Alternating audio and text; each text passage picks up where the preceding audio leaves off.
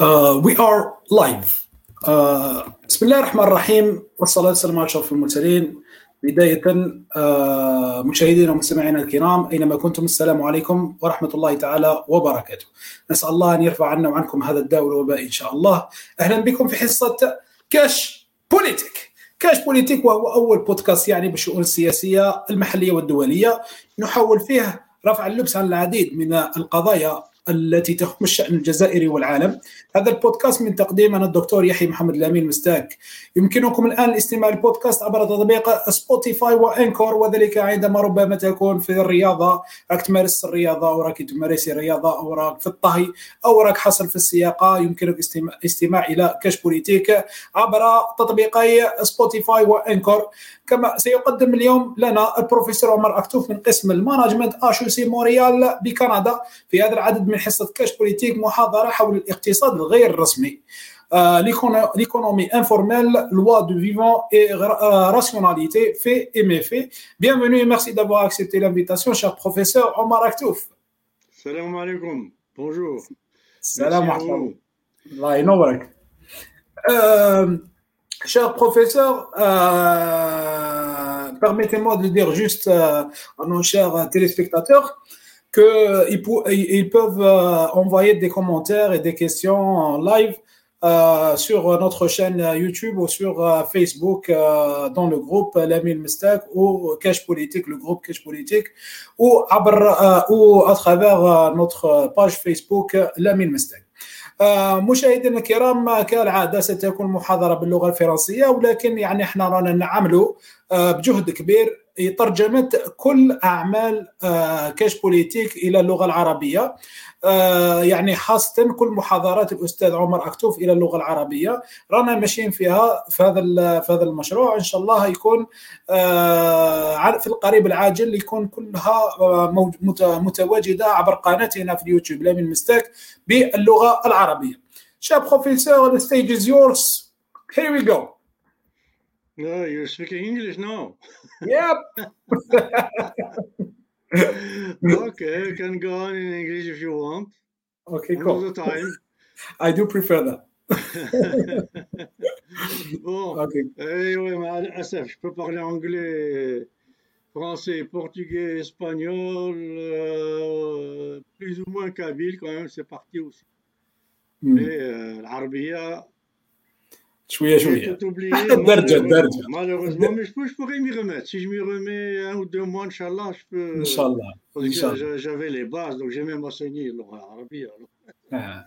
Bon, نو ميم الدرجه احنا ما احنا كي نقولوا عربيه سي با لا لا لا لون كلاسيك لا الدرجه برك تكفينا bien, آه، الدرجه déjà, برك c'est c'est-à-dire que déjà, les, les mots techniques ne me viennent pas. بيان سور بيان Alors سور c'est pour ça, donc euh, c'est juste une question de vocabulaire, Il n'y a pas de problème. Alors, euh, ben, ben, chers téléspectateurs, comme il a dit, c'est euh, Mohamed. Bonjour, salam alaikum. Merci euh, encore d'être là, fidèle. Eh bien, on a pris une pause d'à peu près trois semaines, je pense, euh, mm. ou un peu plus même. Eh bien, comme l'a dit, c'est Bachir que je remercie en passant, et je remercie aussi Mohamed Salora qui, qui n'arrête pas de m'alimenter en, en idées et en nouvelles qu'il euh, qu'il trouve euh, par-ci par-là qui intéressent nos, préoccupations. Merci beaucoup. Merci à C. Mohamed euh, Lamine de sa fidélité, de son travail assidu. Donc, cette interruption, c'était comme l'a précisé c'est Bachir, en gros, pour permettre un peu à tout le monde, j'ai reçu beaucoup de messages en ce sens, euh, me disant que pas mal de gens n'ont pas vu les, les PowerPoint que j'avais passés sur la question de la thermodynamique et des rapports entre la thermodynamique et l'économie et le profit, etc. Et puis d'autres qui l'ont vu, mais qui euh, voulaient des rappels et prendre le temps un peu de, digérer et d'assimiler, euh, comme l'a écrit Sébachir, euh, toute cette notion multidirectionnelle, euh, complexe. Je suis désolé, euh, mais on peut, on peut pas parler de choses complexes en termes simples. On l'a trop fait jusque-là avec les, langages de- des écoles d'économie et des écoles de business. Notamment, on a trop, trop, trop simplifié l'être humain, le réel, la nature, euh, les lois de l'univers. On a tellement simplifié des choses complexes qu'on en est là on en est aujourd'hui. Et je lisais aujourd'hui un rapport de, l'ONU qui euh, nous prédit un avenir, enfin, espérons que non. Mais moi, je pense que ce rapport a raison. Un avenir avec encore des pandémies peut-être pires que celle-là, et en tout cas plus accélérées, si on ne change pas radicalement, et ce sont les mots du rapport de l'ONU, euh, notre rapport à la nature et euh, économie nature. Et il n'y a pas que l'ONU qui dit ça. Donc voilà, alors j'espère que ça a été assimilé, mais je vais revenir très rapidement en début de webinaire aujourd'hui pour faire un rappel un peu pour tout le monde euh, sur ces questions de rapport entre thermodynamique, complexité et euh, économie et profit et business, et rapport avec donc le fait que nous aurions dans cette crise du Covid qui s'explique par l'activité économique. il ne faut pas oublier ça. Si nous en sommes là, c'est à cause de la façon dont l'Occident conduit l'économie, et j'ai déjà dit, sur sa tête, euh, dans le sens de, la, compréhension de ce qu'est ce monde, depuis à peu près deux siècles, depuis Léon Walras, Adam Smith notamment, qui n'ont pas été toujours très bien compris d'ailleurs, jusqu'à aujourd'hui, et il est temps de, remettre les choses sur leurs pieds, euh, comme dirait Karl Marx, avant que ce ne soit trop tard. Mais euh, bon, espérons qu'il n'est pas trop tard. bon, donc on reviendra là-dessus. C'est la mine, j'espère que tu prends toujours des notes là-dessus. Prochain webinaire, Inch'Allah, euh, la naissance de l'économie néoclassique, du néolibéralisme, Léon Valras, etc. Et pourquoi je dis que le monde marche sur sa tête depuis deux siècles en termes d'économie et de gestion, et particulièrement euh, la fin du XXe et le début du XXIe, les choses se sont beaucoup aggravées.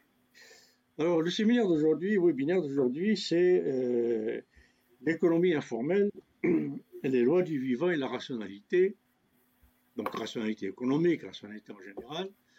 Est-ce que ce que nous faisons, comme on le dit, on le répète sans cesse en économie, en gestion, tout est rationnel il ben, faut se poser des questions. Alors, que veut dire le mot rationnel? Le mot rationnel, étymologiquement, veut dire conforme à la raison. Or, être conforme à la raison, c'est non seulement être conforme à ce qui est rationnel, c'est-à-dire qui relève de la logique, du, du, logos, mais aussi ce qui est raisonnable, ce qui relève du bon sens, de la prudence, de la clairvoyance. C'est ça la raison, c'est ça être conforme à la raison. Alors, est-ce que être rationnel dans ce que dit l'économie et la gestion, c'est ça? Eh bien, moi, je dis non. Le mot rationnel est systématiquement associé, et d'ailleurs même de façon implicite, à l'idée de maximiser. Si vous êtes le plus productif, le plus compétitif, vous faites le plus de profit possible, etc., alors vous êtes rationnel. Si dans votre comportement de consommateur, de je sais pas quoi, d'être humain, dans vos actions, euh, dans vos échanges avec vos semblables, vous êtes rationnel, ça veut dire que vous gagnez plus dans la transaction que l'autre. Donc, cette idée de rationalité a été entachée, a été imbibée, a été infestée, a été contaminée sans qu'on le dise, et sans qu'on s'en rende compte évidemment, par l'idée de maximiser. Alors ça, c'est grave de confondre rationnel, optimum, etc., avec maximum et euh, maximiser. Euh, sous-titre, donc, euh, l'informel, fait et méfait. Pourquoi je dis fait et méfait? Parce que comme je l'ai déjà dit, pour moi, dans l'informel, il n'y a pas que du négatif. Il y a aussi du positif. C'est pour ça d'ailleurs que l'informel existe dans le monde entier. Et euh, le problème, c'est le type d'informel ou d'économie informelle auquel on a affaire. Alors, c'est ce qu'on va essayer de voir pour ce qui concerne l'Algérie en particulier, euh, par petits pas. Alors, j'aimerais profiter aussi pour dire que euh, répondre aussi en même temps à plein de gens euh, qui m'écrivent ou, via mes webinaires, tout ça, qui me disent mais écoutez, l'Algérie, qu'est-ce qu'on fait? On a quel modèle économique pour l'Algérie? Hein, euh, Comment euh, penser une feuille de route hein, pour l'Algérie, pour l'Algérie, l'Algérie? Oui, d'accord, je comprends très bien. Notre problème à nous, Algériens, c'est l'Algérie. Mais je dis et je répète avec force, l'Algérie ne vit pas en vase clos. On ne peut pas résoudre les problèmes algériens on ne résoudra aucun problème algérien si on n'a pas résolu auparavant les problèmes qui touchent à la planète. Et ces problèmes qui touchent à la planète nous touchent parce que nous sommes dans cette planète. Et ces problèmes sont évidemment les problèmes liés à la façon dont on traite cette planète. Et la façon dont on la traite, c'est une façon néolibérale, néoclassique, maximaliste, etc., etc., qui ne peut plus durer. Alors, avant de se pencher sur que faire en Algérie, il faut penser à comment changer cette conception mondiale, mondialisée du monde, qui est une conception qui nous fait marcher sur nos têtes au lieu de nous faire marcher sur nos pieds. Alors donc, pour moi, à la limite, le problème algérien devient presque un détail pas un détail, euh, pas dans le sens péjoratif ou dans le sens euh, ça, ça, signifie rien, pas du tout. Un détail par rapport à tout ce qu'il faut changer dans le monde entier pour finalement arriver à changer ce qui se passe en Algérie, au Maroc, en Tunisie. Bon, j'ai eu déjà l'occasion de lire et de l'écrire. Euh, avec ce qui nous arrive en ce 21e siècle, on ne s'en sortira pas tout seul, ni individuellement, ni par nation, ni par quartier, ni par région, ni par clan, ni par ville, ni on s'en sortira tous ensemble avec une modification radicale de la façon dont nous pensons l'économie et la gestion en particulier, sinon on ne s'en sortira pas. Ou Dieu sait à quel prix, encore. Bon, alors, les points dont je vais traiter, alors je vous le dis, euh, comme ça, parce que ça aussi, ça m'a été demandé que les gens sachent un peu qu'ils aient des repères. Alors, si vous avez de quoi noter, allez-y, sinon, ben, je vous le dis, vous, pourriez le revoir en revoyant le webinaire. On va commencer par parler de ce que, du contexte. Enfin, comme toujours, je vais commencer par une mise en contexte où on en est aujourd'hui, un peu dans le monde, dans cette évolution de la pensée avec le Covid et tout ce qui s'ensuit. Ensuite, on va parler de l'économie informelle, ce que ça signifie, qu'est-ce que ça Même si j'ai déjà dit, on va y revenir parce que je l'ai fait trop brièvement la dernière fois. Euh, les genèses et les mécanismes de l'économie informelle, donc depuis la, nuit des temps, les différentes formes, mais c'est la même finalité. On a différentes formes d'économie informelle à travers le monde. Euh, bon, on a l'économie informelle, l'économie souterraine, l'économie illégale, l'économie mafieuse, tout, ça fait partie de ce grand chapeau informel.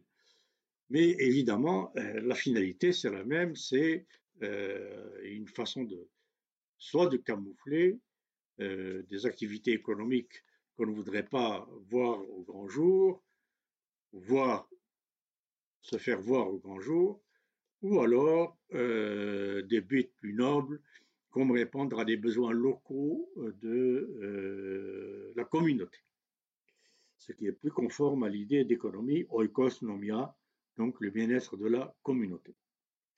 On va voir euh, donc des rapports entre les lois du vivant et la rationalité et l'économie informelle.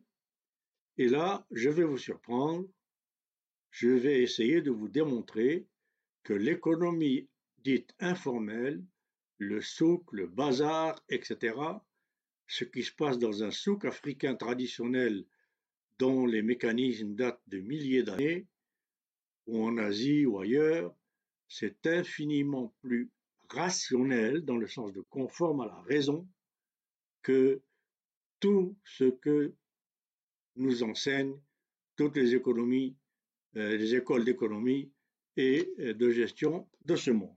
Alors comment revenir à cette rationalité Dans un sens où euh, nous avons donc évidemment une autre économie qu'une économie vivrière qui a donné naissance à l'économie informelle. Et on va voir aussi, si on a le temps, les conditions d'une économie informelle utile, bon, et d'une économie informelle dommageable. Bon, il y a des conditions. On peut avoir une, économie informelle tout à fait utile et qui nous aide, comme l'Italie par exemple, il y en a partout des économies informelles, même dans les pays développés. Euh, L'Italie est l'un des exemples qu'on cite le plus. Euh, on ne sait même pas d'ailleurs quel est le pourcentage réel d'économie informelle par rapport à l'économie formelle. Mais euh, bon, voilà, l'économie informelle italienne, je voudrais bien la voir en Algérie.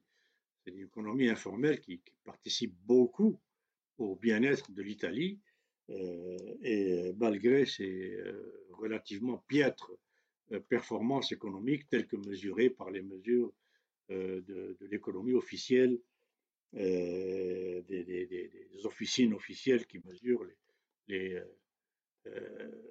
efficacités comparées des, pays.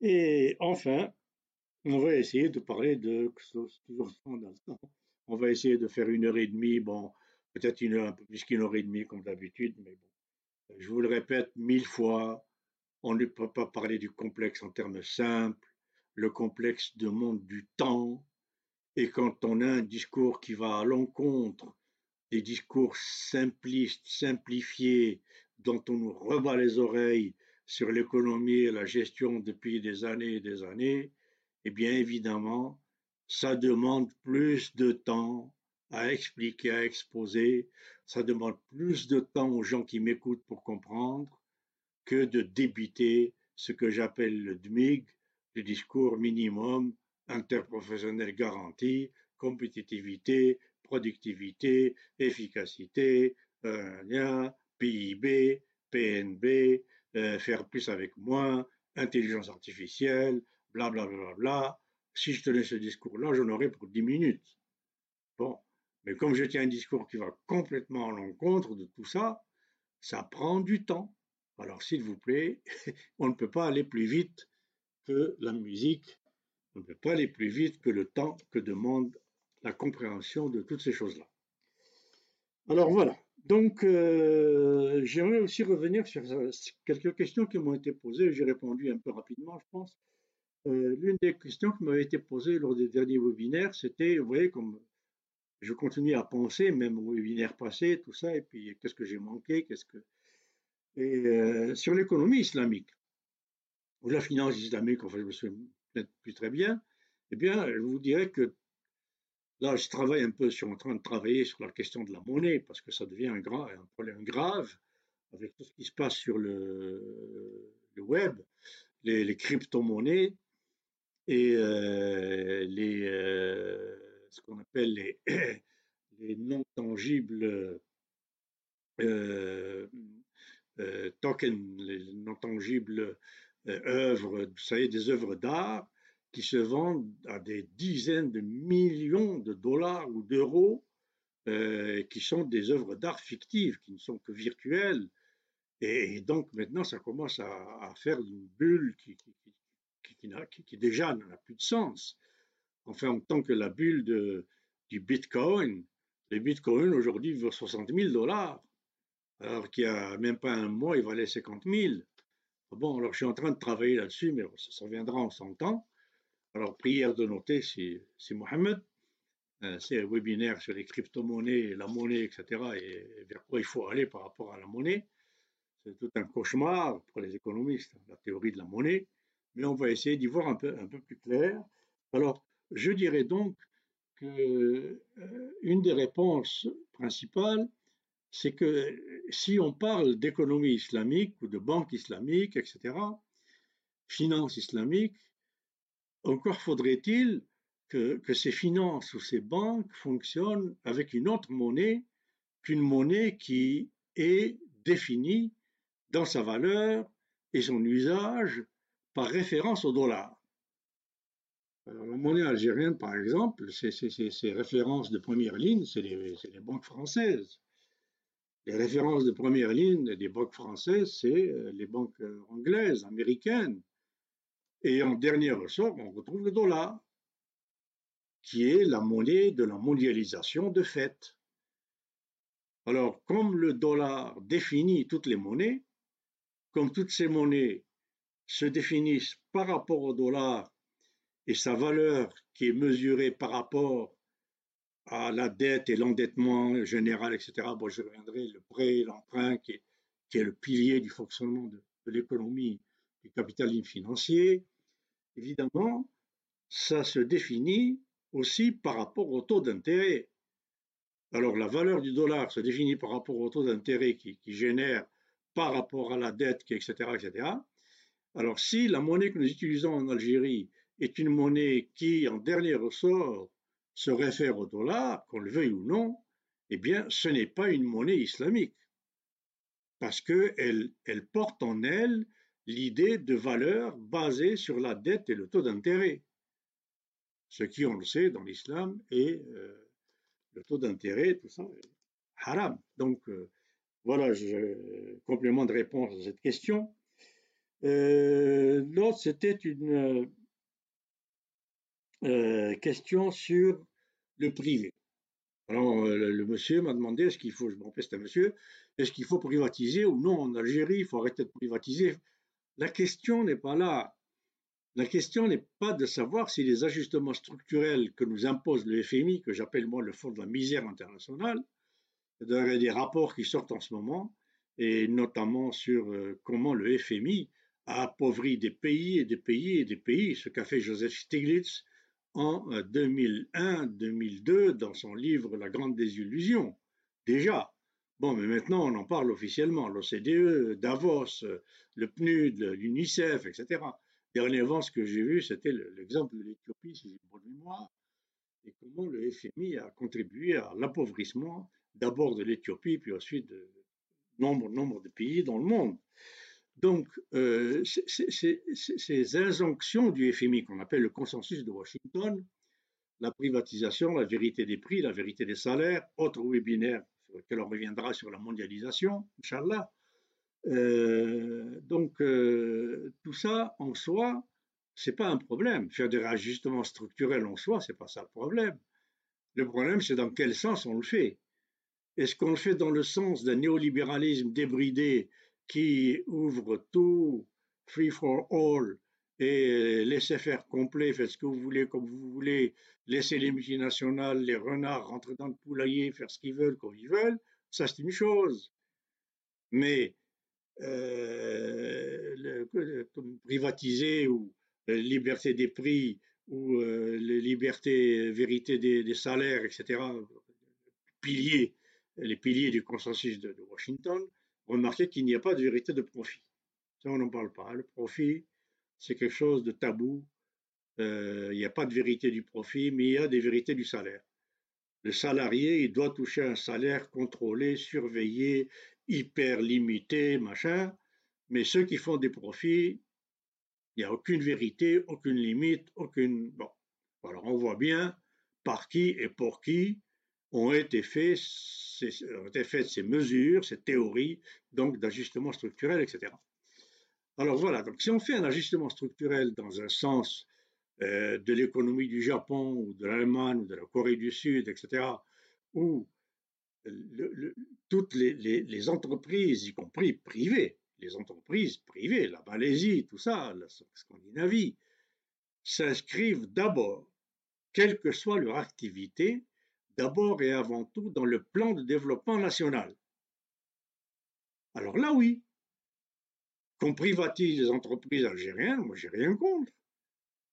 Mais qu'on dise à tout ce qui est privé en Algérie, comme en Suède, comme en Allemagne, comme au Japon, comme en Malaisie, etc., faites d'abord ce qui est bon pour le pays. Ensuite, vous ferez ce qui est bon pour vos profits. Ça, j'ai rien contre. Un privé qui travaille d'abord pour la nation et ensuite pour lui-même, ben, j'ai rien contre. Alors, comment ça se passe? Par exemple, le MITI, le ministère de l'Industrie et du Commerce extérieur, qui est euh, l'instance économique politique la plus puissante du Japon, où tous les majors de promotion des plus grandes universités du Japon choisissent leur emploi, parce qu'ils ont le droit de choisir là où ils veulent, comme ils veulent, ils choisissent tous la fonction publique, les meilleurs, et ils choisissent ce ministère-là, parce que ce sont dans ce ministère que se planifie, je dis bien se planifie, l'économie du Japon. Alors c'est ce ministère qui dit à Toyota, bon, le Japon est arrivé à faire les, meilleures voitures du monde, maintenant pensez à faire des avions. Alors Honda est en train, le Honda Jet, euh, Honda est en train de se pencher sur, vous verrez, quand le Honda Jet sortira, ben, ce sera autre chose que euh, Airbus ou, Boeing. C'est euh, ce ministère qui dit à Mitsubishi, on est arrivé à la quatrième génération ou troisième génération en informatique, je ne sais pas quoi, maintenant vous faites de la cinquième génération, et voilà dans quel sens, dans quel sens, dans quel sens, etc. Bon, et en plus de ça, il y a les négociations nationales pour le taux d'emploi, pour le taux de syndicalisation, le taux de, distribution de la richesse au, euh, ménages, etc., etc., euh, le taux de salariat, le taux de tout ce Et une fois tout ça, euh, l'éducation nationale, évidemment, gratuite, universelle, etc., et on vous paye même pour étudier gratuitement, ça je ne le répéterai jamais assez, etc. etc. Une fois ces buts-là atteints, eh bien, ce qui reste, vous faites des profits. Il n'y a pas de problème. Alors, je réponds donc à ce monsieur, si c'est privatisé dans ce sens, moi, je n'ai pas de problème. Mais privatisé dans le sens de General Motors et de ce que font les entreprises privées américaines ou françaises, non. Il n'en est pas question. Bon, euh, euh, quelque chose, oui. Oui, effectivement, il y a pas mal de questions qui arrivent à travers euh, votre intervention. Donc, si tu as envie de, répondre, il, y a la, il, y a la, première question qui pose, je sais pas, ça, ce n'est pas sorti son nom, mais, mais il dit euh, quelle est euh, la différence entre euh, l'économie informelle et l'économie sociale et solidaire? Ben Ça, je vais y venir. L'économie informelle, on y vient tout à l'heure. Ok. Donc, il y a une deuxième question de. anticipe un peu. Oui. il n'y a pas de problème. On va essayer de répondre. Il y a de Rodwan Para qui, qui demande que, que pensez-vous de la problématique de création de richesses tant recherchée ou mise en avant par les différents dirigeants du pays euh, lorsqu'ils évoquent euh, le développement économique du pays. Bon, alors déjà j'ai un problème avec le mot création.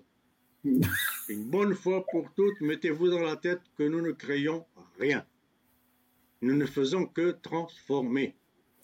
Et ça, je vais y venir en début d'exposé avec le rappel sur les, des sur PowerPoint, donc sur la thermodynamique, etc. Et je vais expliquer cette question.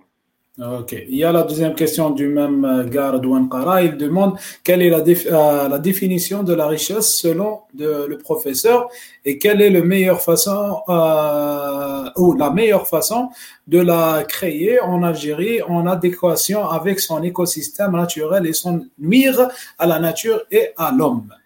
Bon, écoutez, donc je répète, arrêtez de parler de création mais disons production. La production de richesse pour l'Algérie, hmm. euh, comme j'ai dit tout à l'heure, la production de richesse souhaitable et soutenable et durable, pour l'Algérie, pour moi maintenant, c'est un détail. Parce que l'Algérie est dans une planète, l'Algérie ne peut pas vivre en autarcie, on ne produit même pas de lait, on ne produit, on est dépendant à 80 ou 85% alimentairement du reste du monde, etc., etc., et des intrants et des semi-finis et des, des, des, des produits euh, intermédiaires pour l'industrie, de tout ça. Donc, l'Algérie ne vit pas en autarcie. Alors, moi, je dis et je répète avec force, on arrivera à ces solutions-là pour l'Algérie après avoir discuté et pensé de solutions d'abord à l'échelle mondiale qui sont les mêmes que ceux de l'Algérie. Quand j'aborderai ces problèmes-là à l'échelle de la, conception mondiale, c'est la même chose qu'en Algérie. Bon, il y a des spécificités algériennes, bien sûr, mais elles sont euh, secondaires et on y reviendra.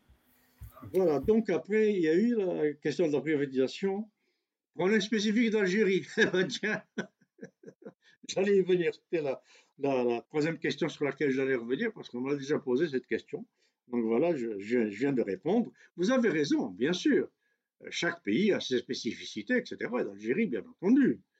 Mais il faut arrêter de penser qu'on peut faire une économie et une gestion algérienne, algéro-algérienne, sans tenir compte de ce qui se passe dans le monde. Impossible. Parce que ce qui se passe dans le monde nous impose une façon de nous comporter. Il nous l'impose d'autant plus qu'on est dépendant de ce monde. Monétairement, je viens de l'expliquer par rapport au dollar, etc., etc. Bon, alors, euh, l'autre question qui m'avait été posée, c'est donc euh, euh, à propos de la proposition, ça c'est un email qui m'a été fait, la proposition, les propositions de la Confédération nationale du patronat algérien, enfin l'ex-FCE, qui a fait des propositions récemment pour relancer l'économie algérienne. Ben évidemment, j'ai vu ces propositions. Mais je suis bien désolé, je ne vois aucune différence avec les 50 propositions du même FCE, enfin de son ancêtre, de l'ancêtre de cette confédération. Il y a, euh, c'était en 2017-2018, que j'ai critiqué de long en large et qu'ils ne sont que des remakes, des répétitions de solutions toutes néolibérales, euh, libérer l'économie, libérer les banques, libérer l'argent. Enfin, c'est toujours le même discours toujours ça revient à la même chose. Euh, l'entreprise privée est bridée, l'entreprise privée est paralysée, l'entrepreneur est, ligoté, le ceci, cela, libéré, libéré, libéré, libéré, libéré. Ben, non, arrêtons le massacre. Aujourd'hui, on va le voir, j'espère, petit à petit, je vais vous expliquer pourquoi. Il faut aller au contraire vers plus de contrôle, plus de surveillance, plus de planification et plus de contrôle des équilibres entre ce que font les différents acteurs sur cette planète, ce qui arrive à la nature, ce qui arrive à l'atmosphère, à la stratosphère, au patronat, aux employés, aux pays, aux animaux, etc., etc., plus que jamais. Or, ces propositions de la Confédération du patronat parlent simplement de finalement la question, si on résume, si on synthétise, ça revient à dire comment faire pour laisser le patron algérien s'enrichir le plus possible. Voilà, point à la ligne. Et donc comment tout ouvrir, tout, tout libérer, tout machin, pour, et on continue à confondre enrichissement des patrons avec amélioration de l'économie. Alors je le dis et je le répète mille fois, ça n'a rien à voir. L'enrichissement des riches ou des plus riches, ce n'est pas l'amélioration de l'économie. Ça n'a rien à voir. Alors arrêtons de confondre ça. Le bien-être de l'économie, c'est le bien-être de l'ensemble de la société, de l'ensemble du pays, y compris la nature. C'est ça le bien-être. C'est ça l'amélioration, c'est ça le développement. C'est pas l'enrichissement des patrons. Et je pose aussi la question, pourquoi continuer à concevoir, et là je me réfère à un certain euh, Thorstein Veblen, qui a écrit The Theory of the Firm, c'est un Norvégien d'origine qui est devenu patron de l'école d'économie de euh, l'école de Chicago le siècle dernier, et euh, qui a dit pourquoi, déjà en 1940, donc milieu du siècle dernier, pourquoi continuer à concevoir l'entreprise comme une institution qui n'est là que pour enrichir ses propriétaires, ses actionnaires et ses patrons? Pourquoi? Pourquoi l'entreprise n'est pas investie obligatoirement? Aussi d'une mission écologique, d'une mission sociale, d'une mission de développement du pays, d'une mission de contribution à l'éducation de la jeunesse, comme ça se fait en Allemagne, etc. Et au Japon et tout, où les, les citoyens sont à moitié formés à l'université dans l'éducation nationale et à moitié formés dans les entreprises, aux frais des entreprises, payés. Bon, alors pourquoi continuer à concevoir l'entreprise comme une entité qui, qui, doit juste enrichir son patron et plus elle enrichit sur son patron, plus le pays va bien se porter? D'où ça sort ça? Ça n'a aucun sens. Donc il faut repenser le rôle même de l'entreprise. Est-ce qu'on veut une entreprise à l'américaine ou on veut une entreprise à la japonaise? Ça n'a rien à voir. Bon, alors nous, ce qu'on veut, en général, les, patrons, tout ça, un peu partout dans le monde, et je vous l'ai dit, je parcours ce monde de long en large depuis des années, sauf depuis le Covid, et j'ai travaillé de long en large comme consultant et enseignant, etc., dans, dans toutes sortes de pays et de régimes que vous pouvez imaginer. Mais euh, bon, partout, ce qu'on conçoit et ce, qu'on veut en général, c'est euh, donnez-nous les solutions pour que finalement rien ne change, mais on change tout. non. Si vous voulez changer tout, si vous voulez changer, il faut changer tout, pardon. Donc, changer les modalités de comment être toujours plus riche et enrichir les patrons et les actionnaires, et quand on me sort le conseil d'administration, c'est le garant de. Écoutez, une bonne fois pour toutes, les conseils d'administration, c'est des mafias. Point à la ligne. Dans la définition la plus générique du mot mafia. Qu'est-ce que c'est cette définition générique du mot mafia?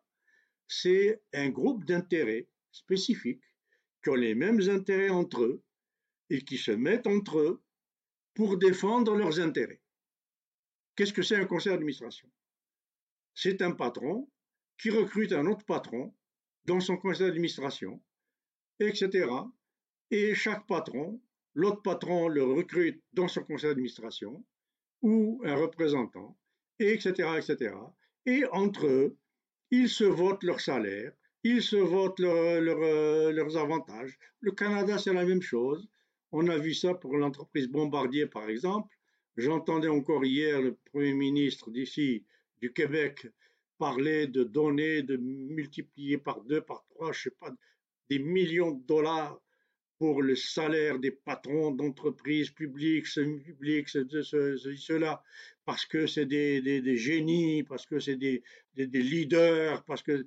Alors un génie, un leader, il fait réussir son équipe. Il ne la fait pas échouer. Et quand on compare les patrons avec les sportifs, regardez les sportifs, ils gagnent des millions et des millions. Oui, mais un sportif qui ne fait pas gagner son équipe, il ne gagne plus rien du tout. Mais dans les entreprises, on le voit dès aujourd'hui surtout, des milliers et des milliers et des milliers, 90-95% des patrons font échouer leurs entreprises, moins de profits, moins de chiffre d'affaires, plus de, de pollution, plus de contamination, plus de réchauffement climatique, plus de chômeurs, plus de pauvreté, etc., etc. Et on les récompense. Comme, je vous donne un exemple concret, Bombardier, donc l'avionique, qui n'existe plus d'ailleurs, qui a été donné en cadeau à Airbus, eh bien, son dernier patron, Alain, Alain Belmar, pour ne pas le nommer, est parti deux, les deux dernières fois avec plus de 10-15 millions de dollars de frais de, de, de, de, départ, plus son salaire et ses, avantages, etc., en millions, alors qu'il a, il a mis Bombardier en faillite. Et on continue à nous dire, c'est le conseil d'administration qui a signé ça, et donc il le mérite s'il le prend, etc. Enfin, arrêtons ces hypocrisies, arrêtons ce cirque. Le conseil d'administration, c'est de la cooptation entre gens qui ont des intérêts les mêmes et qui se votent leurs intérêts entre eux, point à la ligne. Bon, alors un exemple, pourquoi moi, Paris, moi, en Maractouf, professeur, sans, sans, fausse modestie connu, Canada, Québec, France, ailleurs, je n'ai jamais été invité à être membre d'un conseil d'administration ne serait-ce que d'une épicerie. Jamais. Parce qu'on sait très bien ce que je vais dire. On sait très bien ce que je vais préconiser. On sait très bien que je ne vais pas jouer le jeu de la, connivence et de la collusion. Or, mes collègues qui enseignent tranquillement à HEC Montréal ou dans les autres écoles de gestion du monde le discours néolibéral habituel, eh bien, le dernier d'entre eux, il est dans 4-5 conseils d'administration. Parce que tout conseil d'administration d'entreprise qui se vante d'avoir un professeur d'HEC dans son conseil d'administration, c'est une plus-value qui a du poids. Mais moi, non. Voilà. Pourquoi? Trouvez la réponse. Euh, je vous rappelle aussi, bon, je voulais faire une mise en contexte, mais je la ferai après. Si euh, on va prendre la, les, PowerPoint, mais je vais être rapide là, hein, juste pour rappel, pour les, gens qui, parce que je vais y faire référence souvent à ça. Alors la, première planche, c'est euh, Mohamed. Qu'est-ce que c'est euh, contradiction entre les lois de l'économique et du vivant, les lois de la nature, les lois de l'univers, et pourquoi l'entreprise de type surtout nord-américain, donc de profit maximum, est quelque chose qui fonctionne contre les lois de la nature et du vivant. Alors je vais y revenir là, dans ce webinaire sur la, l'économie informelle. Mais qu'est-ce qui se passe si Mohamed, je ne vois pas les euh, PowerPoint?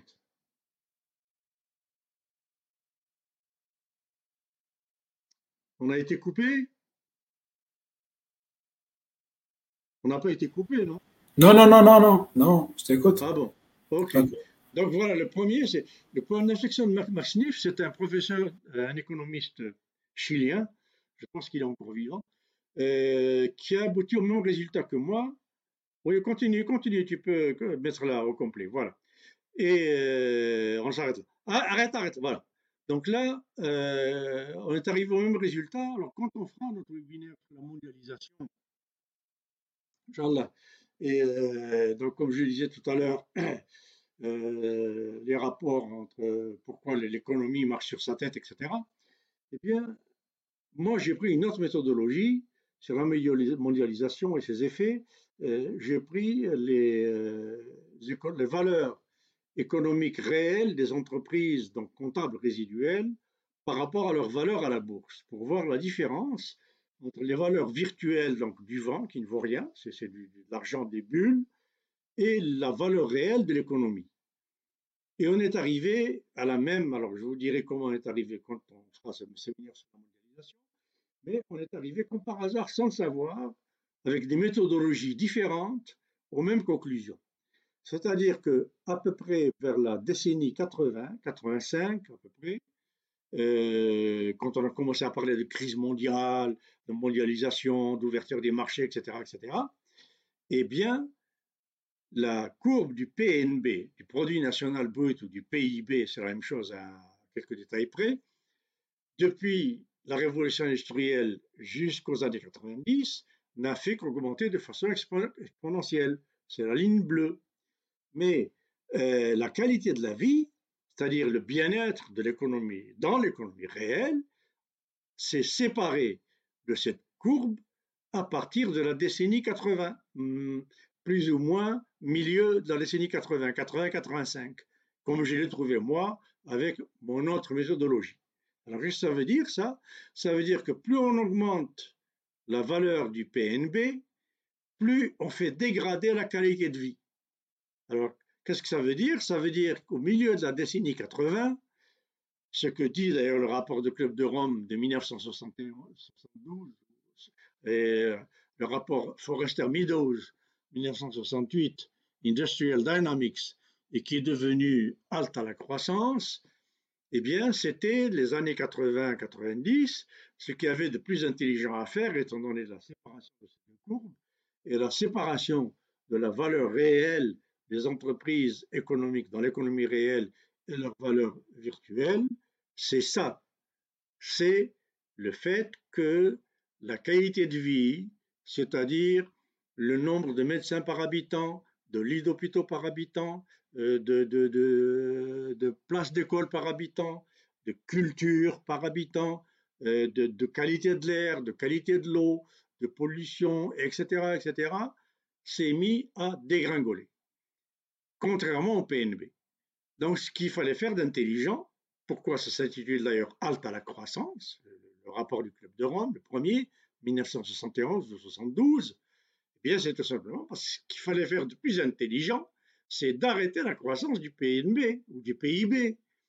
Parce qu'à partir de 1980-85, chaque dollar de plus mondial du PIB ou du PNB entraîne plus de destruction que le dollar précédent.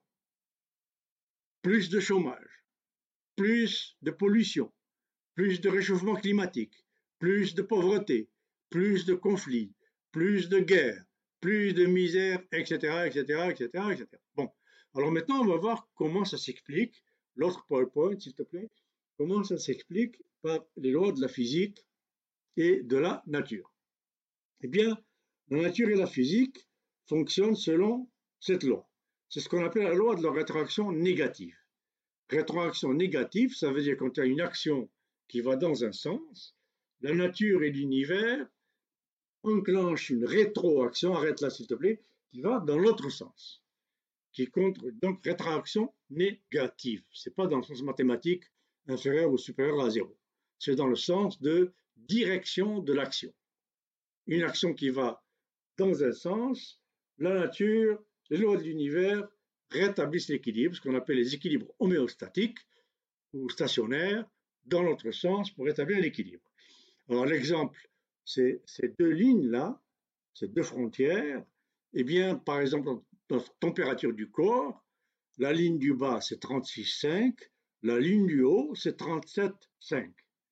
Donc notre température de notre corps varie entre ces deux, et dès que ça arrive à la ligne du bas, on est en hypothermie, et donc notre corps provoque des réactions endocriniennes, etc., etc., qui font réchauffer notre corps, qui va aller dans le sens pour le ramener vers 37,5. Et si notre température, infection, maladie, etc., dépasse la ligne du haut 37,5, eh bien, ça fait l'inverse. Notre corps provoque des réactions pour refroidir et ramener notre corps vers 36,5. C'est ce qu'on appelle les équilibres homéostatiques stationnaires, toujours entre deux limites. Toujours. Il n'y a pas de maximum, il n'y a pas de minimum, mais ce sont des limites viables pour le système qui les respecte. Alors là, j'ai pris l'exemple des loups et des lièvres dans un bois, par exemple, vous mettez un groupe de loups et un groupe de lièvres. Première flèche, là, si euh, les loups augmentent, augmentent, augmentent, eh bien, à un moment donné, il y a tellement de loups, suivez ma flèche, là, il y a tellement de loups qu'ils mangent les lièvres plus vite qu'ils ne se reproduisent. Donc les lièvres diminuent. Alors ils diminuent, ils diminuent. Quand les, les lièvres arrivent à, ici, il y a tellement peu de lièvres qu'ils ne nourrissent plus assez de loups. Donc, euh, euh, pardon, il y a tellement peu de loups qu'ils ne, mangent plus assez, donc les lièvres augmentent. Ils augmentent, ils augmentent, arrivés ici, il y a tellement de lièvres qu'ils nourrissent beaucoup de loups. Donc les lièvres diminuent. Diminuent, diminuent, il y a moins de loups. Plus de lièvres. Alors les loups remangent les lièvres et ainsi de suite. Et c'est l'équilibre. Et ça, c'est donc euh, les équilibres homéostatiques des lois de la nature et de l'univers. Il n'y a pas dans la nature et dans l'univers aucun système, il n'existe aucun système qui fait le maximum ou le minimum. Ça, ça serait des, boucles de rétroaction positives, ascendantes maximum ou descendantes minimum. Et ça, l'univers et la nature ne connaissent pas. Ça n'existe pas. Alors ce sont ça les lois de la thermodynamique, etc., des équilibres homéostatiques. Alors maintenant, que fait l'entreprise? L'entreprise de type financier à l'américaine, etc., telle qu'on la connaît, elle fait une boucle de rétroaction positive ascendante. Voilà, vous suivez ma flèche, donc positive ascendante. Qu'est-ce que ça veut dire Ça veut dire qu'aujourd'hui, General Motors fait 100 000 dollars de profit. Demain, ils en veulent 200 000. Après-demain, ils en veulent un million, 100 millions, etc., etc., vers plus l'infini, le maximum. Et ça, ça va vers l'explosion du système. La nature et l'univers n'admettent pas ça, ne connaissent pas ça. Il n'y a pas de bois ou de forêt où le groupe de loups s'amuse à manger le maximum de lièvres le même jour. Ça n'a pas de sens. Ils mangent les lièvres euh, qui suffisent pour survivre, ils vont faire la sieste, et le lendemain, ils vont manger d'autres lièvres. Et c'est tout. Et les lièvres et les loups se maintiennent en équilibre les uns avec les autres. Alors, comme la nature n'admet pas ça, et que l'entreprise le fait, la nature compense. Elle compense par une autre boucle de rétroaction positive, mais c'est la descendante. Alors voilà, rétroaction positive descendante. General Motors fait 100 000 dollars de profit. La nature élimine 30 baleines dans le golfe du Saint-Laurent qu'on trouve empoisonnées par les métaux lourds toxiques vénéneux que General Motors libère dans les rivières au bord desquelles il y a ces usines et ces hauts fourneaux et qui se déversent dans les grands lacs, dans le Saint-Laurent et qui va jusqu'au golfe de l'Atlantique et qui empoisonne les baleines, les belugas, les marsouins, etc., qui sont le haut euh, de la chaîne alimentaire de l'écosystème du golfe du Saint-Laurent. Alors donc, comment estimer la vie d'une baleine? Ça coûte combien une vie d'une baleine? Ça vaut combien de dollars? 100 000, 10 000, ça vaut quoi? Mais cette baleine qui est morte dans le golfe du Saint-Laurent, elle est morte parce que General Motors n'a pas été obligé par des lois, ce que j'ai disais tout à l'heure, plus de contrôle plutôt que moins de contrôle, plus de réglementation plutôt que moins de réglementation, parce qu'il n'y a aucune loi qui oblige General Motors à conserver ces 120 ou plus métaux lourds toxiques dans ses usines et ne pas les libérer dans la nature. S'il y avait une telle loi, General Motors serait obligé d'investir beaucoup d'argent dans des technologies de nettoyage de ces euh, métaux toxiques et ces investissements dans ces technologies feraient que General Motors ne ferait pas de profit ou beaucoup moins de profit. Alors, General Motors fait encore 100 000 dollars de profit. Eh bien, on élimine 100 000 chômeurs du travail en Afrique ou en Amérique par délocalisation, par ceci, par cela. On augmente le réchauffement climatique, etc., etc. Donc c'est comme ça que la nature compense l'univers par une autre boucle de rétroaction positive qui va, elle, vers moins l'infini, donc vers l'implosion. Alors nous sommes en train de, brûler la chandelle par les deux bouts, avec le modèle nord-américain, avec le modèle donc du capitalisme financier maximaliste. Alors voilà comment, donc, très vite, les lois de l'univers et les lois de l'économie telles qu'elles sont aujourd'hui et de la gestion sont en contradiction parce qu'elles font deux boucles de rétroaction qui sont inconciliables entre ce que veut l'entreprise et ce que veut la nature. Le suivant, alors le suivant, je vais un peu vite, euh, s'il vous plaît, mais j'ai pas le choix. Ça, ça s'explique en thermodynamique par le fait suivant, c'est que, comme je le disais tout à l'heure, on ne crée rien du tout. On ne fait que transformer. Le menuisier, il ne crée pas une table. Le menuisier, il transforme un tronc d'arbre en table. Mais une fois qu'il a coupé le tronc d'arbre et qu'il a transformé en table, eh ben, il n'y a plus de table. Il n'y a, plus, il y a, il y a plus de tronc d'arbre. Il n'y a plus d'arbre. Et le menuisier ne sait pas faire un arbre. Donc il faut attendre que la nature fasse un autre arbre de la même taille, etc., etc., pour que, de la même espèce, pour que ce menuisier puisse faire encore une table. Donc il n'a pas créé la table, il a détruit un arbre. Et cet arbre est définitivement détruit parce que personne ne sait refaire un arbre. Il n'y a que la nature et la photosynthèse qui sait le faire, même si on replante. Et même si on replante, on a besoin que l'atmosphère reste en bon état pour que cette atmosphère fasse la photosynthèse, et que euh, ces arbres euh, croissent. Donc, transformation.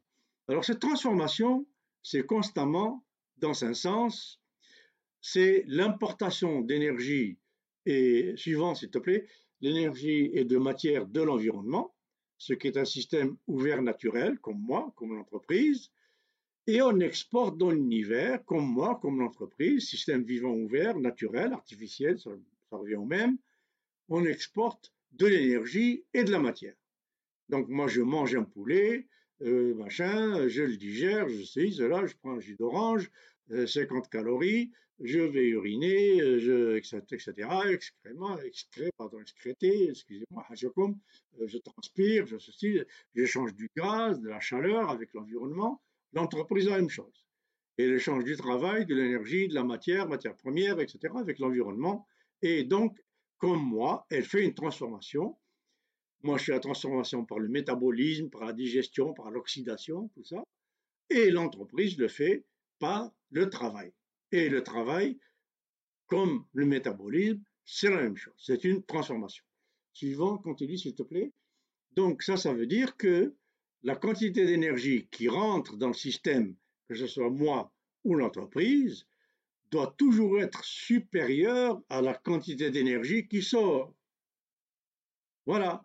Sinon, je ne peux pas survivre. Je ne peux pas prendre moins d'énergie de l'environnement que j'y rejette. Ça veut dire que je pourrais fabriquer de l'énergie. Mais personne ne sait, on ne sait pas fabriquer d'énergie. Personne ne sait fabriquer du pétrole, ni un arbre, ni du gaz, ni du vent, ni de la chaleur solaire, ni rien du tout. Personne ne sait. Quand on fait de la chaleur, on brûle du bois, ou on brûle du gaz, ou on brûle euh, du pétrole. Bon, alors, suivant. Mais ça, c'est lois de la nature.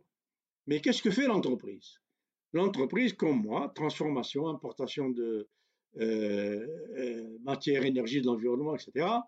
Alors, tout ça, c'est de l'énergie, tout. La matière première, l'électricité, le pétrole, les machines, tout, tout ça, c'est de l'énergie. Le travail, c'est de l'énergie. Alors pourquoi le travail, c'est de l'énergie? C'est tout simplement, bon, ça c'est connu, une certaine économie, pas tous, marxienne et ricardienne en particulier, smithienne aussi d'ailleurs, puisque la définition du travail, la définition du profit, c'est le travail incorporé dans, euh, ou le surtravail incorporé dans euh, la marchandise ou le bien et service produit. Donc, le travail, c'est de l'énergie pour plusieurs raisons. Un, c'est ce qui est incorporé dans la production de toute, euh, toute forme de bien ou de service de marchandise. Et deux, parce qu'aucune monnaie, aucune unité monétaire n'est imprimée au monde, sinon, d'abord et avant tout, pour payer le travail de quelqu'un. Donc tout le tout l'argent qui circule, qui est dans vos poches, vos cartes de crédit, vos etc., dans vos comptes en banque, etc., tout ça, c'est du travail cristallisé. C'est la somme du travail de gens dans le monde qui fait que cette monnaie, ce capital circulant dans le monde existe. Donc c'est de l'énergie. Alors, ne me parlez pas d'argent fait par l'intérêt, la spéculation dans les bourses, etc., et l'argent virtuel, tout ce qui s'ensuit, ça c'est une autre affaire. J'en ai déjà parlé, j'en parlerai encore quand je parlerai de la finance et, de l'information. Donc demain, je fais un webinaire là-dessus pour l'Université de Constantine, et euh, donc où euh, j'expliquerai, puis j'expliquerai ici aussi une autre fois, les rapports entre tout ça et comment la finance et la spéculation, c'est encore pire que ce que fait l'entreprise parce que c'est de l'argent virtuel pur. Bon, mais ça, c'est des choses plus complexes, on y, on y reviendra. Alors, donc, j'espère qu'on a compris, le travail, c'est de l'énergie. Alors, tout ce qu'importe l'entreprise, c'est de l'énergie. Et tout ce qu'elle exporte comme produit, bien service, c'est de l'énergie. Continue, s'il te plaît, c'est euh, Mohamed. Donc, les inputs, c'est l'énergie, les outputs, c'est l'énergie. Mais ce que veut l'entreprise, ici, c'est des outputs supérieurs aux inputs en termes monétaires. Alors, le problème, c'est que pour que ces outputs supérieurs en termes monétaires aux inputs qu'on appelle les profits, ça voudrait dire la quantité d'énergie qui sort est supérieure à celle qui rentre, puisque l'argent, c'est de l'énergie. Alors le problème que je pose, c'est d'où vient cette quantité d'énergie, cette quantité d'argent, puisque c'est de l'argent, qu'on appelle le profit, puisque l'argent, c'est du travail, puisque le travail, c'est de l'énergie, d'où vient cette quantité d'énergie qu'on appelle profit et qu'on appelle output supérieur aux inputs dans les entreprises? D'où ça vient? Puisqu'on ne sait pas fabriquer d'énergie. Alors c'est pour ça que je vous dis je vous répète, arrêtez de parler de création. Personne ne crée rien du tout.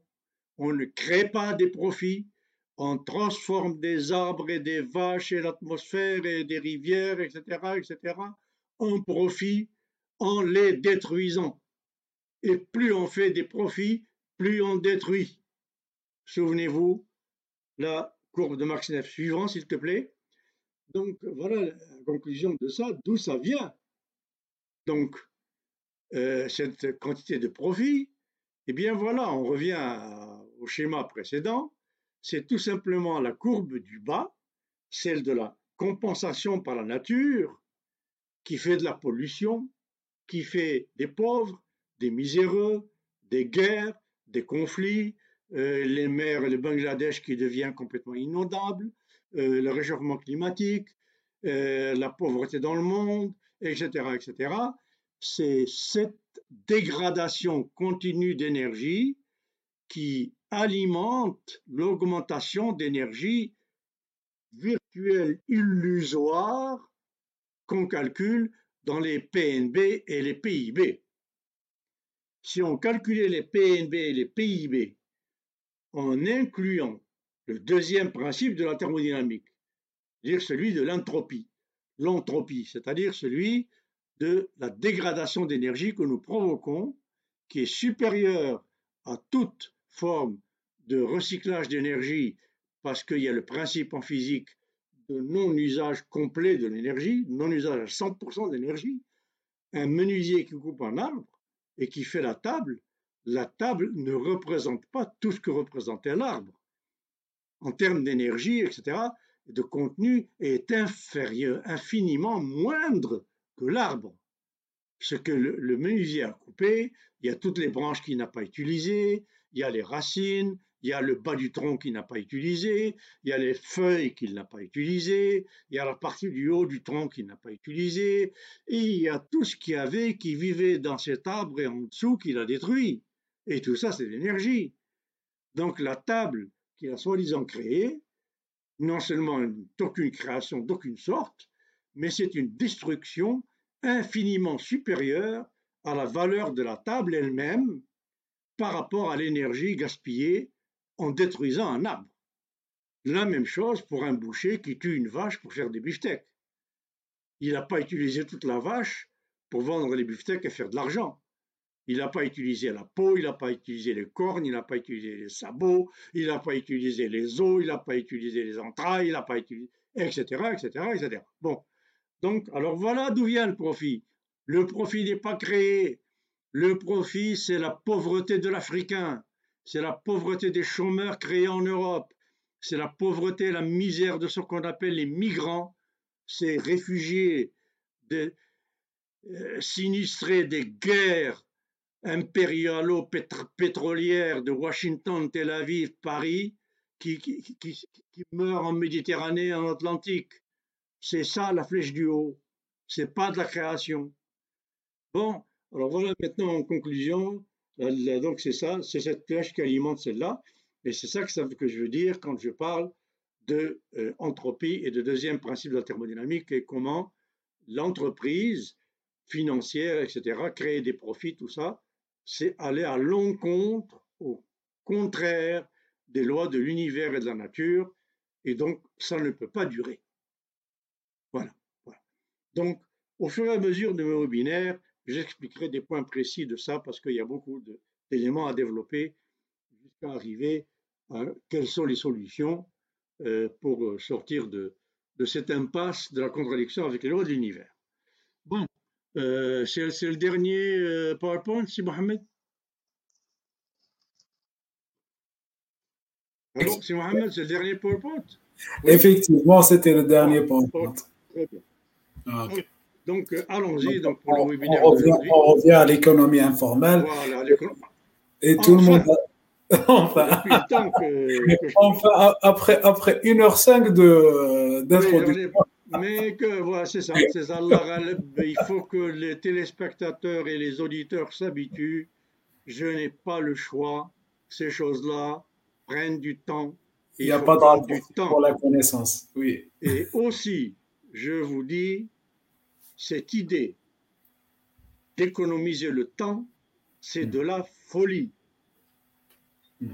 Pour être sage, instruit, comprendre ce monde, vous savez, Socrate disait, et ça je ne vous, fais- pas, perdre votre temps, parce qu'il faut comprendre l'explication de l'explication et le mystère du mystère. Socrate avait l'habitude de dire l'oisiveté est nécessaire à la sagesse du maître. Les Grecs détestaient le travail. Les Grecs disaient que le travail, c'est le lot de celles et ceux qui sont incapables de vivre autrement que de leurs mains et de leur etc. Mais c'est pas le travail dans le sens générique et, premier du terme. C'est le travail comme finalité, quand on passe sa vie juste à travailler. Travailler, travailler, travailler, travailler, ce n'est pas le sort ni la finalité de l'être humain. L'être humain n'est pas fait pour être une machine à travailler sans arrêt. C'est pas ça l'être humain. L'être humain, il est fait pour penser d'abord. Nous, êtres humains, nous sommes une créature faite pour penser. Et notre nature, c'est d'être la seule créature, d'être capable de combattre notre propre nature. Voilà. Un lion qui est féroce et qui bouffe le premier animal qui passe devant lui ne peut pas combattre sa propre nature d'être féroce. Bon, mais le lion, il va pas bouffer tous les lièvres qui passent ou toutes les gazelles qui passent. Il va bouffer une gazelle quand il a faim, et c'est tout. Il s'arrête là. Donc, alors j'entendais hier, par exemple, tenez-vous bien, des employés de Goldman Sachs, Mhm. la banque Goldman Sachs qui a mis en faillite le monde en 2008, qui a, qui a été la première, et dont les vice-présidents sont les ministres de l'économie et des finances des États-Unis, de France, les grands patrons du CAC 40, les patrons de la Banque centrale euh, euh, italienne, l'actuel Premier ministre italien, euh, Bruno Draghi, tout ça, ça vient de Goldman Sachs. Alors les employés de Goldman Sachs, hier, ont sorti un rapport, une plainte publiée, comme ça, une lettre ouverte, où ils disent qu'ils en ont assez, qu'ils n'en peuvent plus de travailler 98 heures par semaine. Goldman Sachs, New York, États-Unis, Washington, Chicago, etc. 98 heures par semaine.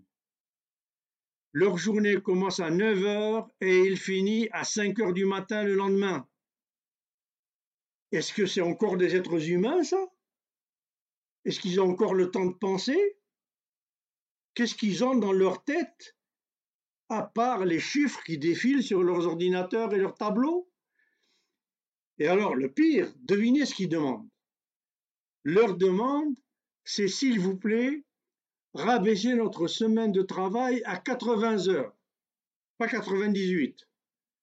Alors déjà 80 heures par semaine, ça fait une journée qui va de 9 à, je sais pas moi, 12, 13, 14 heures par jour. C'est déjà énorme. L'être humain n'est pas fait pour ça. Voilà donc le message des Grecs et des Anciens. Hésiode, dans les travaux et les jours, l'auteur latin, écrivait des lettres célèbres à son fils, surtout évite d'avoir à gagner ta vie en travaillant, mais au minimum, et que ce soit un travail qui implique ce qu'il y a de plus noble en ta personne, c'est-à-dire surtout le cerveau et la pensée et, la capacité de, de penser ce qu'on pense. Voilà. Alors, donc, cette idéologie, cette frénésie du travail, personnellement, je suis un ennemi total de ça. Et alors, s'il vous plaît, arrêtez de penser que le temps que vous perdez à m'écouter, c'est du temps perdu. Le temps perdu, c'est celui que vous perdez à gagner de l'argent. Le temps qu'on perd à faire de l'argent, c'est du temps perdu pour se construire en tant qu'être humain. C'est pour ça qu'Aristote écrivait Le loisir est nécessaire à la sagesse du sage. Si Socrate était obligé de gagner sa vie en travaillant toute la journée, 14 heures par jour, on n'aurait jamais eu de Socrate. Bon, alors moi-même, par exemple, pouvoir penser tout ce que je vous dis, écrire tout ce que je vous dis, retenir tout ce que je vous dis, réfléchir sur ce, sur quoi je réfléchis, il me faut du temps.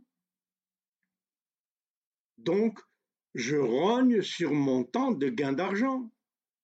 Je refuse des contrats depuis des années. Si j'acceptais tous les contrats qu'on me proposait à travers le monde, je ne ferais que gagner de l'argent. Or, si je passe mon temps à gagner de l'argent, je n'ai pas le temps de lire, je n'ai pas le temps de réfléchir, je n'ai pas le temps de penser, je n'ai pas le temps d'analyser, et ça veut dire que je ne suis plus un être humain. Je suis une mécanique à faire de l'argent qui n'a plus rien avec ce que être humain veut dire. Alors d'où vient cette espèce de, d'association de temps avec l'argent Il nous vient d'un certain Benjamin Franklin, qui est le père de l'idéologie productiviste, l'argent nord-américaine, donc du XVIIIe siècle, si je me souviens bien, 18e ou 19e, Benjamin Franklin. Euh, donc, et c'est lui qui est à l'origine de cette formule Time is money. Là, le temps, c'est de l'argent. Bon, et ça nous est rentré comme ça dedans, et depuis, on continue. Alors arrêtez de penser ça, s'il vous plaît. Le temps, ce n'est pas de l'argent. Une partie du temps, oui. L'autre partie, une très grande partie de notre temps, doit être conservée à autre chose, consacrée à bien autre chose que l'argent. Alors ne croyez pas que le temps que vous passez avec moi, c'est du temps perdu. C'est pas du temps perdu. Pas du tout. Apollinaire, le grand poète, avait l'habitude d'écrire à sa porte quand il dormait Ne pas déranger le poète travaille. Parce qu'il faisait beaucoup de ses poèmes surréalistes à partir de ses rêves. Bon, le gendre de Marx, Paul Lafargue, a écrit tout un livre, un pamphlet cinglant sur le droit au non-travail. Il appelait ça le droit à la paresse. Bon, le mot est mal choisi, mais pas à l'époque. C'est-à-dire le droit à l'oisiveté, le droit à avoir du temps de travail dans la journée, bon, 4, 5 heures, 6 heures par jour pour gagner sa vie, pour vivre normalement, mais le reste de la journée, de la paresse, le droit à la paresse, le droit à l'oisiveté pour lire, me développer en tant qu'être humain, penser, réfléchir, discuter avec mes semblables, m'améliorer, améliorer ma sagesse, ma compréhension. Vous savez, Lénine voulait faire entrer le terrorisme en Union soviétique. En 1900, avec sa nouvelle économie politique, euh, que faire, je te 1924 par là, il voulait introduire le terrorisme en Union soviétique. Alors ça peut paraître incroyable, les soviétiques qui vont copier les Américains et introduire euh, Frédéric Taylor dans le soviet euh, russe, soviétique. Alors Lénine a expliqué pourquoi. Il a dit puisque la preuve a été faite Et c'est vrai, le taylorisme permet de faire faire beaucoup plus à chaque ouvrier par unité de temps. C'est très bien. Eh bien, introduisons le taylorisme en Union soviétique, mais, a ajouté Lénine, pour que l'ouvrier soviétique travaille 4 heures au lieu de 8 heures par jour, puisqu'avec le taylorisme, il pourra faire en 4 heures ce qu'avant il faisait en 8 heures. Et le reste de la journée, cet ouvrier va s'instruire, va aller à la bibliothèque, va aller à l'université, va participer à la vie politique de l'Union soviétique, va participer à la vie politique de son quartier, va se réaliser en tant qu'être humain, s'émanciper. Alors voilà, vous avez bon, donc en tout cas, il y en aurait à dire sur Lénine, l'Union soviétique. C'est un webinaire sur les chutes, la chute des pays de l'Est. Hmm. Les raisons qu'on nous donne pour la chute des pays de l'Est, c'est se moquer de nous jusqu'au fond de l'œil. Les raisons de la chute des pays de l'Est, l'Union soviétique en premier, c'est tout sauf ce qu'on nous dit. Ce n'est pas la faute au communisme, ce n'est pas la faute du mauvais communisme, ce n'est pas la faute du communisme à l'appliquer, ce n'est pas une question d'idéologie, c'est tout à fait autre chose qui a été construit, planifié, bien ficelé à partir de la fin de la Deuxième Guerre mondiale. Ça a commencé avec le macartisme aux États-Unis, justement pour éviter que le modèle communiste réussisse. C'est tout à fait autre chose. Et vous allez voir dans ce webinaire que ça finit avec la guerre de Syrie. Ça va de loin, hein Bon, mais pour ça, il faut du temps pour lire. Il faut du temps pour s'instruire. Faut du temps pour réfléchir. Alors voilà pourquoi je fais comme Einstein, belle comparaison. Einstein, très tôt dans sa vie, il faisait tellement de conférences, quand on lui demandait d'aller faire des conférences, à un moment donné, il disait non, j'ai pas le temps. Et un jour, des Américains, Princeton ou je sais pas quoi, lui ont dit, écoutez, on vous donne un million de dollars. Et Einstein a répondu, I have no time for making money. Je n'ai pas de temps pour faire de l'argent. Alors je fais un peu la même chose depuis des années. Quand j'arrive au budget qui me suffit pour vivre, vivre normalement, etc., ben, pour avoir le temps de lire, de réfléchir, de penser, d'atteindre une certaine sagesse dans le sens philosophique du terme, eh bien, euh, je répondais, je suis désolé, mais je n'ai pas le temps pour faire de l'argent. Voilà. Bon, donc euh, vous voyez que ça va à l'encontre de beaucoup, beaucoup de lieux communs. Euh, mise à jour, je ne sais pas jusqu'où on va aller aujourd'hui? je vais finalement parler d'économie informelle. On était, on était sur le premier point, on n'a pas, même pas commencé sur la première ligne de ce que oui, économie, oui, même pas, économie formelle signifie. On n'a même pas commencé sur la, la, la, mise à jour. Eh oui, il y, a, y, a, une question de, je sais pas, de Ahmed Sehmed, si tu as envie de, de répondre. Il a dit bois plus connaissance égale table, création de richesse, et il, mis, euh, il a mis uh, question mark. euh, bois et plus connaissance égale table. Oui, mais bien sûr, parce que ce que ça veut dire, ça, il manque plus table plus création de richesse. Non, le mot création, j'enlèverai. Il n'y a pas création. Parce que création, ça veut dire partir de rien, ex nihilo. Or, l'argent que fait le, le, menuisier en faisant la table, c'est pas de l'argent ex nihilo.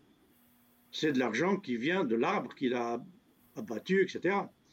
Donc, oui, là, ça revient à la définition du travail du travail humain. Bon, d'abord, travail humain, c'est un pléonasme. Il n'y a que l'être humain qui travaille. Les, les, animaux ne travaillent pas. ils jouissent de la vie tranquillement parce qu'eux, ils n'ont pas inventé l'argent. Donc nous, nous travaillons comme des malades parce qu'on euh, a confondu la vie avec la qualité de vie avec l'argent. Autre chose sur laquelle on reviendra. Alors le mot connaissance ici, tu fais très bien d'introduire, euh, c'est Ahmed, je profite pour saluer saluer toute ta famille et nos amis aussi, parce que la définition philosophique du travail, le travail, c'est de la nature informée. Voilà. Donc, la table, c'est le tronc d'arbre, qui est la nature, qui est le bois, dans lequel le menuisier a mis de la connaissance, de l'information, qui est la conception de la table qui était dans sa tête avant de la mettre dans le tronc d'arbre. Alors voilà. Donc, nature plus information et connaissance égale transformation d'utilité, mais perte d'une quantité d'énergie irréversible qui nous vient du principe d'entropie de la thermodynamique. Tout travail, toute transformation entraîne une perte définitive de quantité de chaleur, donc même les réactions chimiques. Il n'y a pas de rien ne se crée, rien ne se transforme, euh, rien ne se crée, rien ne se perd, tout se transforme. Non, ça c'est Lavoisier en chimie, en termes d'atomes et de, de, poids atomiques avant une réaction chimique et après la réaction chimique. Mais dans le temps de Lavoisier, donc le euh, 18e siècle, si je me souviens bien, ou 19e, je ne sais plus, euh, le temps de Lavoisier, et il n'avait pas la théorie de la thermodynamique. Il ne pouvait pas savoir que dans toute réaction, même chimique, il y avait une quantité d'énergie qui est l'effet Joule, je pense, qu'on appellera l'effet Joule après, qui a rapport avec l'enthalpie dont j'ai parlé, etc., qui est définitivement perdu. Définitivement. Donc tout travail implique le mouvement en physique, etc., la force multipliée par le déplacement, friction, implique perte de chaleur, donc perte d'énergie. Alors, en plus de ce que j'ai dit tout à l'heure sur le fait que le, le menuisier n'utilise qu'une fraction de l'arbre, comme le, boucher n'utilise qu'une fraction de la vache, alors ça aussi, c'est l'énergie perdue. Donc il n'y a rien de créé. Ce qu'on a créé est infiniment moindre que ce qu'on a prétendu créer, est infiniment moindre que ce qu'on a détruit en termes d'énergie. Alors c'est pour ça que je m'élève, par exemple, contre des théories récentes qui s'appellent les théories des équilibres dynamiques. Alors, j'ai des, extraits que je voulais vous présenter, je voulais vous en parler. J'espère que vous patienterez encore. C'est Mohamed, tu me diras quand tu voudras qu'on arrête. Et s'il le faut, on pourra faire des webinaires toutes les semaines pour accélérer. Euh, mais bon, j'ai besoin d'expliquer tout ça pour qu'on comprenne ce que je dis, puisque je vais à l'encontre de, tout ce qui est euh, tout ce qui est inscrit dans, pratiquement dans, dans les gènes d'un peu, peu tout le monde.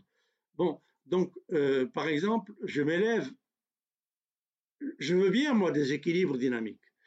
Mais j'ai lu, j'ai regardé un peu ce que ces gens, donc, ils prétendent des nouvelles théories, un peu comme la théorie du beignet, le donuts theory, donc, l'intérieur du beignet qui est ce qu'on fait à la Terre, l'extérieur du beignet qui est la stratosphère, et entre les deux, ce qu'on fait en économie et qui ne doit pas varier, euh, donc qui ne doit pas pousser ni, ni le, haut du beignet, ni le bas du beignet, sinon il y a des équilibres, etc. Bon. Alors, mon problème, c'est, je ne sais pas jusqu'à quel point dans cette théorie-là, en tout cas je ne l'ai pas vue, on tient compte du deuxième principe de la thermodynamique, c'est-à-dire du principe de l'entropie de perte d'énergie définitivement, irréversiblement perdue à toute activité de transformation ou de travail. En plus, si on ne prend pas en compte le deuxième principe de la thermodynamique, seulement le premier, de l'énergie totale, on reste dans l'illusion d'une économie à jeu à somme nulle. C'est-à-dire que, à la limite, tout gain de l'un est perte de l'autre. Le fameux théorème de Pareto.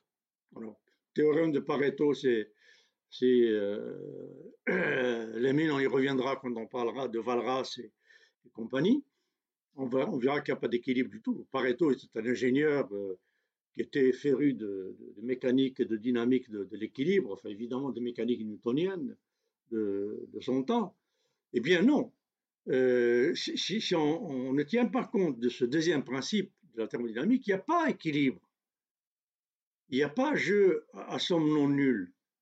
Il n'y a à somme nulle, pardon. Il n'y a qu'un jeu à somme non nulle dont le résultat est infiniment négatif, toujours plus négatif. Qu'est-ce que ça veut dire ça? Ça veut dire que les soi-disant gains que je fais, création de richesse que j'ai gagné, plus l'ensemble de l'énergie que j'ai dégradée, alors comme l'ensemble de l'énergie que j'ai dégradée est négative par rapport à l'ensemble de la richesse que j'ai soi-disant créée, donc j'ai un moins qui est infiniment supérieur au plus. Alors le résultat de cette somme, somme dans le sens mathématique du terme, c'est donc gain moins perte d'énergie égale moins x. Et ce x n'arrête pas de grandir. C'est réchauffement climatique, pollution, maladie, Covid, pandémie, misère, pauvreté, etc., etc. Pollution, guerre, c'est ça le moins. Voilà. J'ai un étudiant mexicain qui a fait il y a quelques années sa thèse de doctorat sur. Euh, il voulait faire une, thèse en, s'adressant à moi et à Manfred Maxinif, dont j'ai parlé tout à l'heure. Euh, il voulait faire une thèse incluant les externalités. Parce que, comme vous le savez, même dans les questions de, théorie d'équilibre dynamique, etc., ou mécanique, euh, la question d'externalité est, infiniment traitée en deçà de ce qu'elle implique. Les externalités observables mesurables sont infiniment moindres que les externalités non visibles. Comment on peut chiffrer ce que, les dégâts qu'on fait au climat, le réchauffement, euh, les mers qui montent partout dans le monde, euh, la perte de, du bois et du, de la déforestation mondiale, la sécheresse, etc. Comment on peut chiffrer ça? Mais c'est des, externalités. il faut tenir compte de ces, externalités-là. Mais donc, euh, ce thésard du Mexique a voulu faire sa thèse en tenant compte des externalités provoquées par l'économie mexicaine c'est-à-dire euh, dégâts, on a pris euh, une douzaine d'indicateurs, dégâts provoqués à l'eau, à la qualité de l'air, à taux de chômage, taux de pauvreté des ménages, taux de mortalité infantile, taux de morbidité par habitant, etc., etc., par rapport à l'augmentation du PNB ou du PIB mexicain. Tenez-vous bien, c'était en 1999-2000, si j'ai bonne mémoire, pendant que les chiffres, les statistiques officielles du ministère de l'économie mexicain affichaient taux de croissance du Mexique plus 5 ou 6% mon étudiant a calculé que le taux corrigé de croissance du Mexique tenant compte même de façon infinitésimale de toutes ces externalités, il était de moins 15, pas plus 5, moins 15. Alors, je vous dis aujourd'hui, à l'échelle de cette planète, il n'y a pas de croissance positive en tenant compte de la nature et des, externalités. Il n'y en a pas. C'est des jeux à somme non nulle un résultat négatif et toujours plus négatif. Bon, j'espère que j'ai répondu à ta question. C'est euh, Ahmed. Vous voyez un peu où, ça m'entraîne. Alors, quelle la, la mise à jour Il y a, il y a, il y a, il y a une deuxième question. Ah là là, bon, ben, on, je pense... on ne veut pas me laisser aller alors. Oui. Mais euh, de ces, euh, Ahmed, bon, il a, il a redit ou reformuler sa question. Il a dit bois plus savoir égale violon dont la valeur peut être 100 fois supérieure au prix de l'arbre abattu. Bien sûr. Ça, c'est en termes monétaires, Ahmed. Hmm. En termes monétaires. Alors, en termes monétaires, il faudra me dire à quel, à quel prix juste admis par la nature estime-t-on l'arbre qui a servi à faire ce violon? Alors je veux bien. Si vous me donnez le prix, si tu donnes à Samed le prix de négociation entre les multinationales du bois dans le monde qui sont en cartel de 4 ou 5 à Chicago ou à Washington et qui décident que le prix d'un arbre mexicain c'est 2 dollars, ou le prix d'un arbre amazonien c'est 3 dollars, alors que c'est des arbres qui prennent 150 ans pour pousser, combien, à combien de dollars on peut estimer quelque chose qui n'arrive à maturité qu'à 200 ans, 300 ans Il y a des séquoias qui sont millénaires, 1000 ans. Alors là, il y en a le problème de la valeur de l'arbre. le Stradivarius, il vaut 100 000 fois le prix de l'arbre actuel, bien sûr, c'est de la simple spéculation. Mais cette valeur du Stradivarius dépend de la valeur que moi, j'attribue subjectivement à l'arbre. Ce n'est pas une valeur objective. Donc, je peux lui attribuer la valeur que je veux. Quand on parle de valeur de marché, c'est une valeur purement abstraite qui n'a aucun sens. Demande et offre abstraite, ça n'a aucun sens. Ni rationnel, ni euh, mathématique, ni euh, sémantique. Bon, alors, euh, entre-temps, j'ai perdu ma feuille de mise à jour. Alors, il faut que je la retrouve.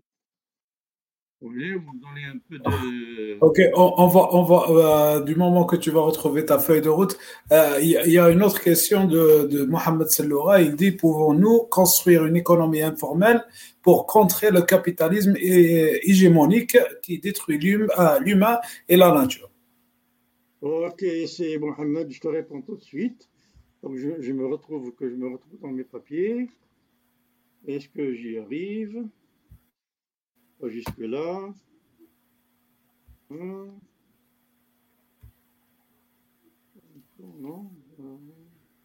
Bon.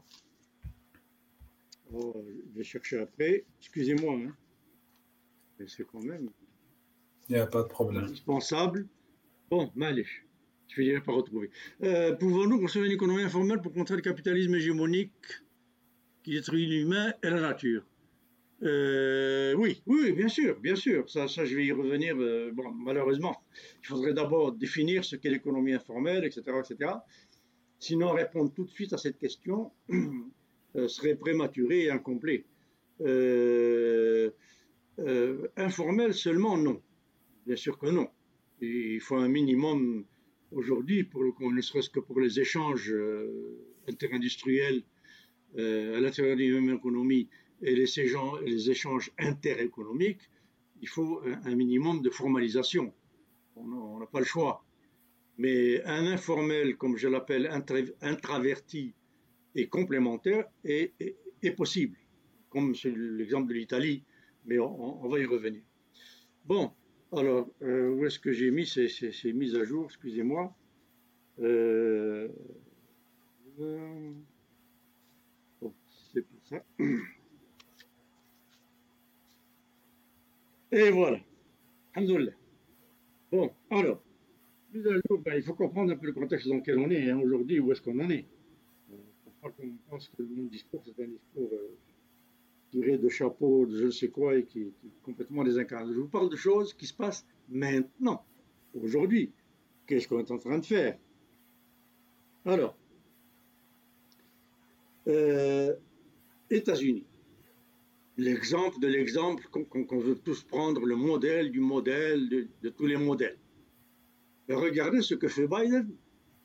Joe Biden est en train d'appliquer petit à petit en catimini le programme de Bernie Sanders, lequel Bernie Sanders s'affichait officiellement candidat socialiste.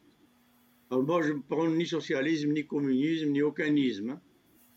Le seul isme auquel je, tiens, c'est l'humanisme.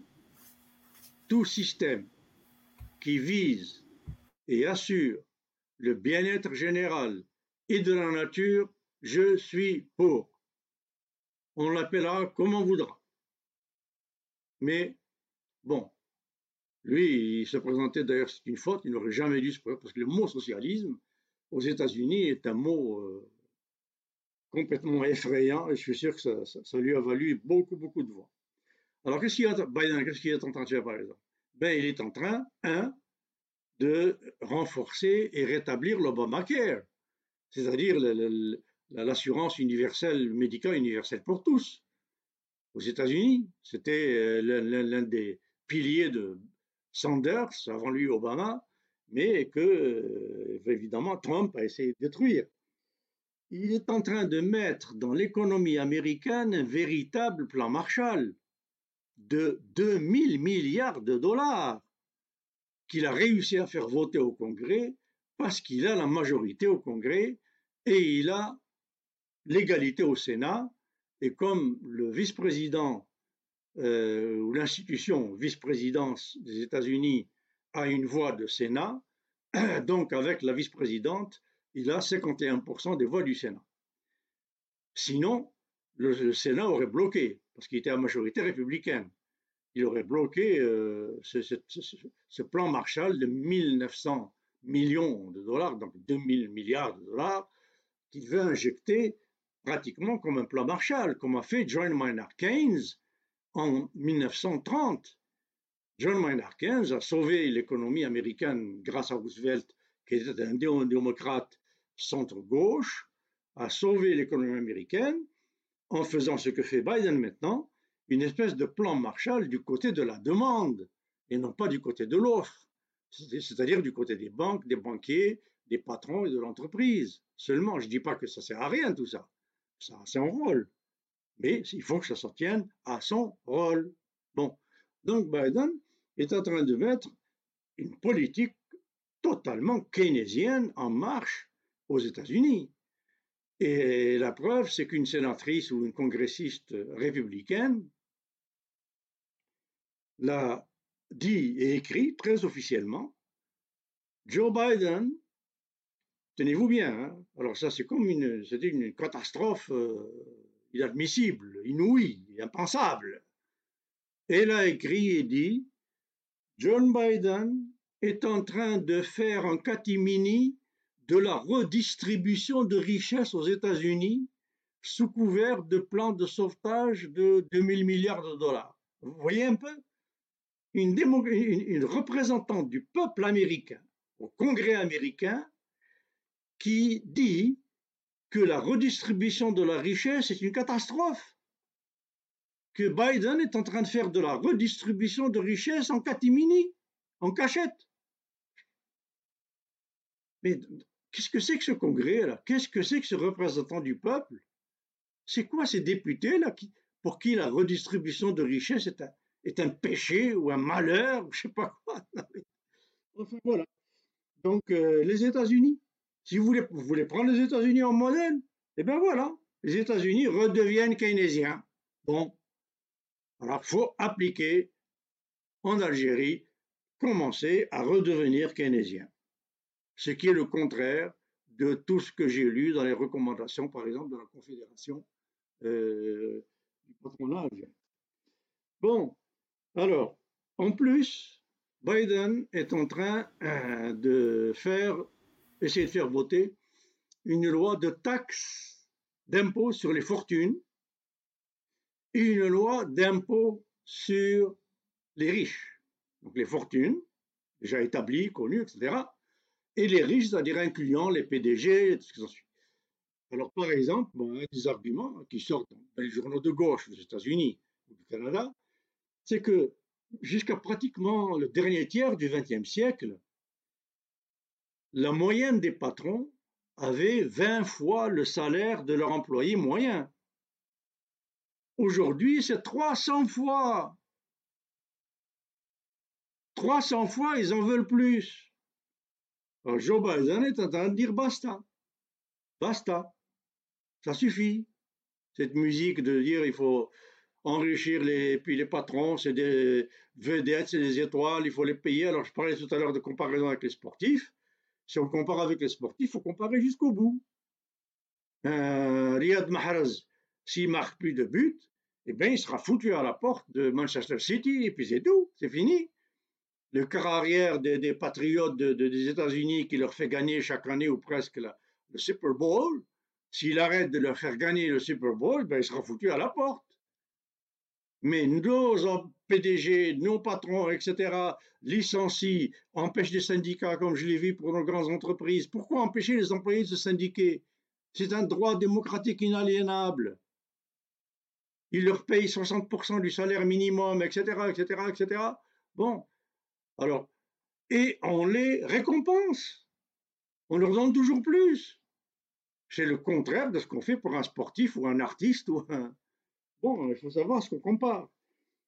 Boris Cyrulnik, que tout le monde connaît, je suppose, enfin en tout cas si vous ne connaissez pas, il gagne à être connu, Boris Cyrulnik, il dit, on a trop saccagé la nature, et il dit cette crise, eh bien, la crise du Covid est due au fait que euh, nous saccageons trop la nature.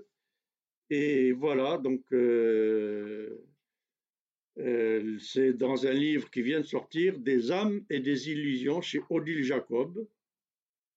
donc le neuropsychiatre Boris Cyrulnik. Voilà. J'espère que vous voyez bien. Pas de progrès sans effet secondaire. Il dit que le Covid, c'est euh, euh, l'économie, euh, c'est l'antinomie de l'économie avec la nature. Donc le livre, c'est des âmes et des illusions, Odile Jacob, 2021. Alors, l'OCDE, le club des riches de ce monde, parle de taxer les multinationales. J'ai lu ça cette semaine. L'OCDE, l'organisation des, pays, etc., commercial des pays, des pays riches, des 27 pays les plus riches de la planète, envisage de taxer les multinationales. À nous, tiers-monde, nos pays, on nous dit qu'il faut attirer les multinationales. Ben, si on leur dit on va vous taxer, ils ne vont pas venir. Alors, nous, on ne va pas les taxer, mais les pays qui nous les envoient vont les taxer. Alors sur qui vont se rattraper? Sur nous. Pas compliqué.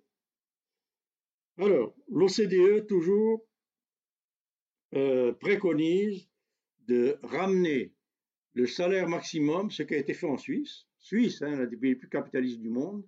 Aujourd'hui, je crois que le salaire moyen euh, des, des patrons dans certains secteurs de Suisse par votation, euh, par coton, etc., démocratie directe, référendum, réduit à 13 fois, 13 fois le salaire de l'employé moyen, pas 20 fois, pas 200 fois. Alors l'OCDE veut faire la même chose aussi en abaissant progressivement de 300 fois à peut-être 50 fois euh, le salaire des, patrons du, du, CAC 40 et compagnie. Bon, le FMI, la même chose. Rapport du FMI cette semaine, Qu'est-ce qu'il préconise? Un des grands problèmes économiques du monde, c'est le manque de redistribution. Le FMI. Faut redistribuer plus les richesses, et particulièrement sud-nord. Ce que Samir Amin appelait le déséquilibre, le fossé entre le centre et la périphérie. Il faut arrêter ça. Sinon, le centre ne pourra plus vivre avec une périphérie qui l'appauvrit toujours plus. Donc le FMI ne fait pas ça pour notre bien. Il fait ça pour le bien des riches qu'il défend, comme l'OCDE, comme l'OMC. Toutes ces instances défendent les pays riches, pas les pays pauvres. Alors, j'ai lu aussi toute une série de choses dans les journaux algériens et ailleurs, ailleurs sur le classement de la Fondation Heritage. la Fondation Heritage, qui classe les pays selon leur degré de liberté économique. évidemment, la sous-entendu, plus un pays est libre économiquement, plus il est développé, plus il est rationnel, plus il est dans l'avant-garde, plus il est, etc., etc. Bon, mettez tous les superlatifs que vous voudrez. Alors voir les indicateurs. Qu'est-ce que ça veut dire libre économiquement? Quels sont les indicateurs de liberté économique? Eh bien, un des indicateurs, des indicateurs c'est le moins de syndicalisation possible. Donc, plus le monde ouvrier est non défendu, plus votre pays est libre économiquement. C'est quoi ça? Deuxième critère, facilité du crédit je connais machin, je, je suis le cousin de Ford, je suis de GM, du patron de, la banque de, Goldman Sachs, je, entre nous, en avant, on se distribue l'argent du pays comme on veut, quand on veut. Ça, c'est de la liberté économique. Autre liberté économique, pas de contrôle des prix. Pas de régulation étatique sur les activités économiques, c'est-à-dire pollue comme tu veux, euh, dégrade comme tu veux, détruit comme tu veux. Voilà ce qu'on appelle liberté économique. Donc les pays qui sont placés en premier par, ce, classement Fondation Heritage, pour moi, ce sont les pires pays au monde. Alors on se plaint dans nos journaux que l'Algérie est au 162e rang sur 78. Et moi, ben moi pour ça, je dis bravo. Surtout n'allons pas vers les premiers. Parce que les premiers, c'est qui? Taïwan, Hong Kong, euh, et euh, le troisième, Singapour. Taïwan, Hong Kong, Singapour? Si vous prenez l'indice Gini, G-I-N-I, qui est l'indice qui euh, détermine le degré d'inégalité dans un pays, il va de 0 à 1 ou de 0 à 100. Ça dépend de l'échelle que vous prenez. Alors, plus vous vous approchez de zéro, plus le pays est égalitaire. La Suède, l'Allemagne, la Norvège, la Corée du Sud, euh, plus ou moins la, Malaisie, bon, il faut lui donner le temps quand même, etc., sont des pays qui s'approchent vers zéro. C'est pas vraiment vers zéro, enfin, ils sont vers, si on prend l'échelle de 1 à 0, ils sont à 0,4, 0,3, 0,2, 0,20, 0,21, etc. Bon, mais, ils se rapprochent quand même vers le zéro.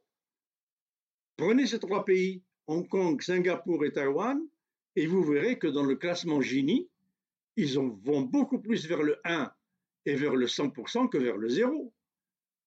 Alors depuis quand la liberté économique implique d'être accompagnée par l'inégalité la plus abjecte Bon, à la fois arrêter, c'est si on veut comparer le classement Heritage, il faut comparer aussi le classement Gini. Les USA, dans le classement Gini, ben, je vous assure, c'est pas reluisant. La France non plus. L'Angleterre non plus. Bon, alors. Euh,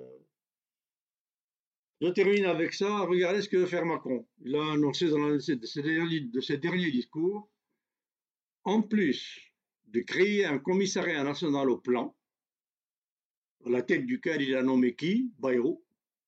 François Bayrou, qui est loin d'être un droite furieux, qui est loin d'être un néolibéral pur et dur. Hein. François Bayrou, centre, plutôt même centre-gauche, hein. Et commissariat national au plan pour la relance de l'économie, ce qu'ils appellent le Great Reset, le reset de l'économie post-Covid. Ça, ça veut dire que Macron dit je n'ai plus confiance au marché. Le libre marché, tout ça, laissez faire, liberté économique, héritage, fini en France. C'est la dernière fois qu'on a vu un commissariat au plan en France, c'est sous De Gaulle en 1946-47 pour relancer l'économie française parce qu'il avait dit, lui et ses, euh, staffs, ses conseillers, etc., au gouvernement qu'on ne pouvait pas laisser la relance de l'économie française après le désastre de la Deuxième Guerre mondiale à, n'importe quoi, n'importe qui, n'importe comment. Qu'il fallait le guider, qu'il fallait un plan. Comme en Allemagne, économie planifiée. Donc Macron dit que l'après-Covid, la France sera une économie planifiée. Et nous, notre confédération des patronats dit euh, pour euh, prospérité d'Algérie, blablabla, il faut plus de liberté, euh, libre arbitre, free for all, tout libéré, pendant que la France met en place une instance de planification. Bon, qu'est-ce qu'il dit Macron aussi? Il dit oui, le 7 doit être une économie qui combat les inégalités. Bon. Alors le modèle algérien et tout ça, moi j'aimerais bien entendre parler de ça aussi comment, qu'est-ce qu'on va mettre en place pour combattre les inégalités? Il rajoute celui-ci sera écologique. Alors, et il a repris, je ne sais pas si c'est lui ou c'est le Premier ministre, en tout cas quelqu'un a repris une formule qu'a utilisée, je pense, euh, pour la première fois, Greta Thunberg, la, petite suédoise, la écologiste, et le pape François, c'est la notion d'écocide. Écocide, c'est-à-dire comme homicide, fratricide, génocide.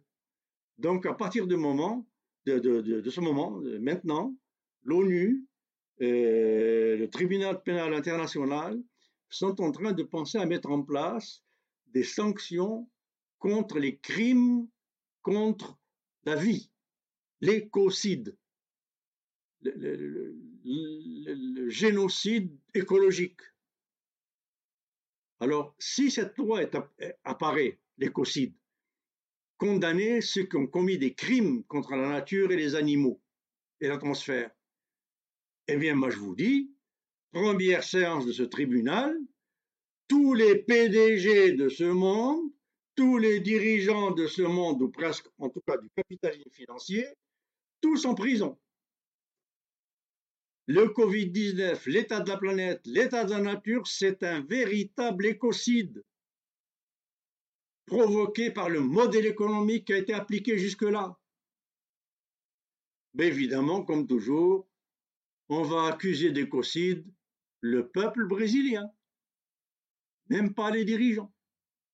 On va accuser d'écocide quelques dirigeants africains, comme d'ailleurs le tribunal pénal international, comme l'a dit l'une de ses juges africaines, et elle a dit, comme la Cour de la Haye, etc., ce sont les tribunaux faits pour juger des gens du tiers-monde, en particulier des Africains, et c'est tout. Aucun blanc du monde blanc et du monde occidental. Depuis la Palestine jusqu'à la destruction de la Syrie, l'invasion de l'Irak, tout ce qui s'ensuit, il n'y a aucun personnage à soumettre au tribunal pénal international pour crimes contre l'humanité, mais des Africains, on en trouve. Des Yougoslaves, on en trouve. Des Russes, on va en trouver. Mais voilà. Bon, et finalement, il dit moraliser le capital.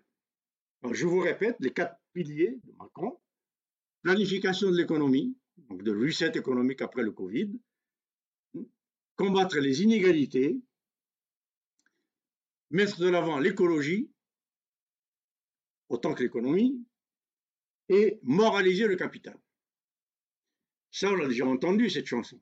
Sarkozy l'a dit. On va moraliser.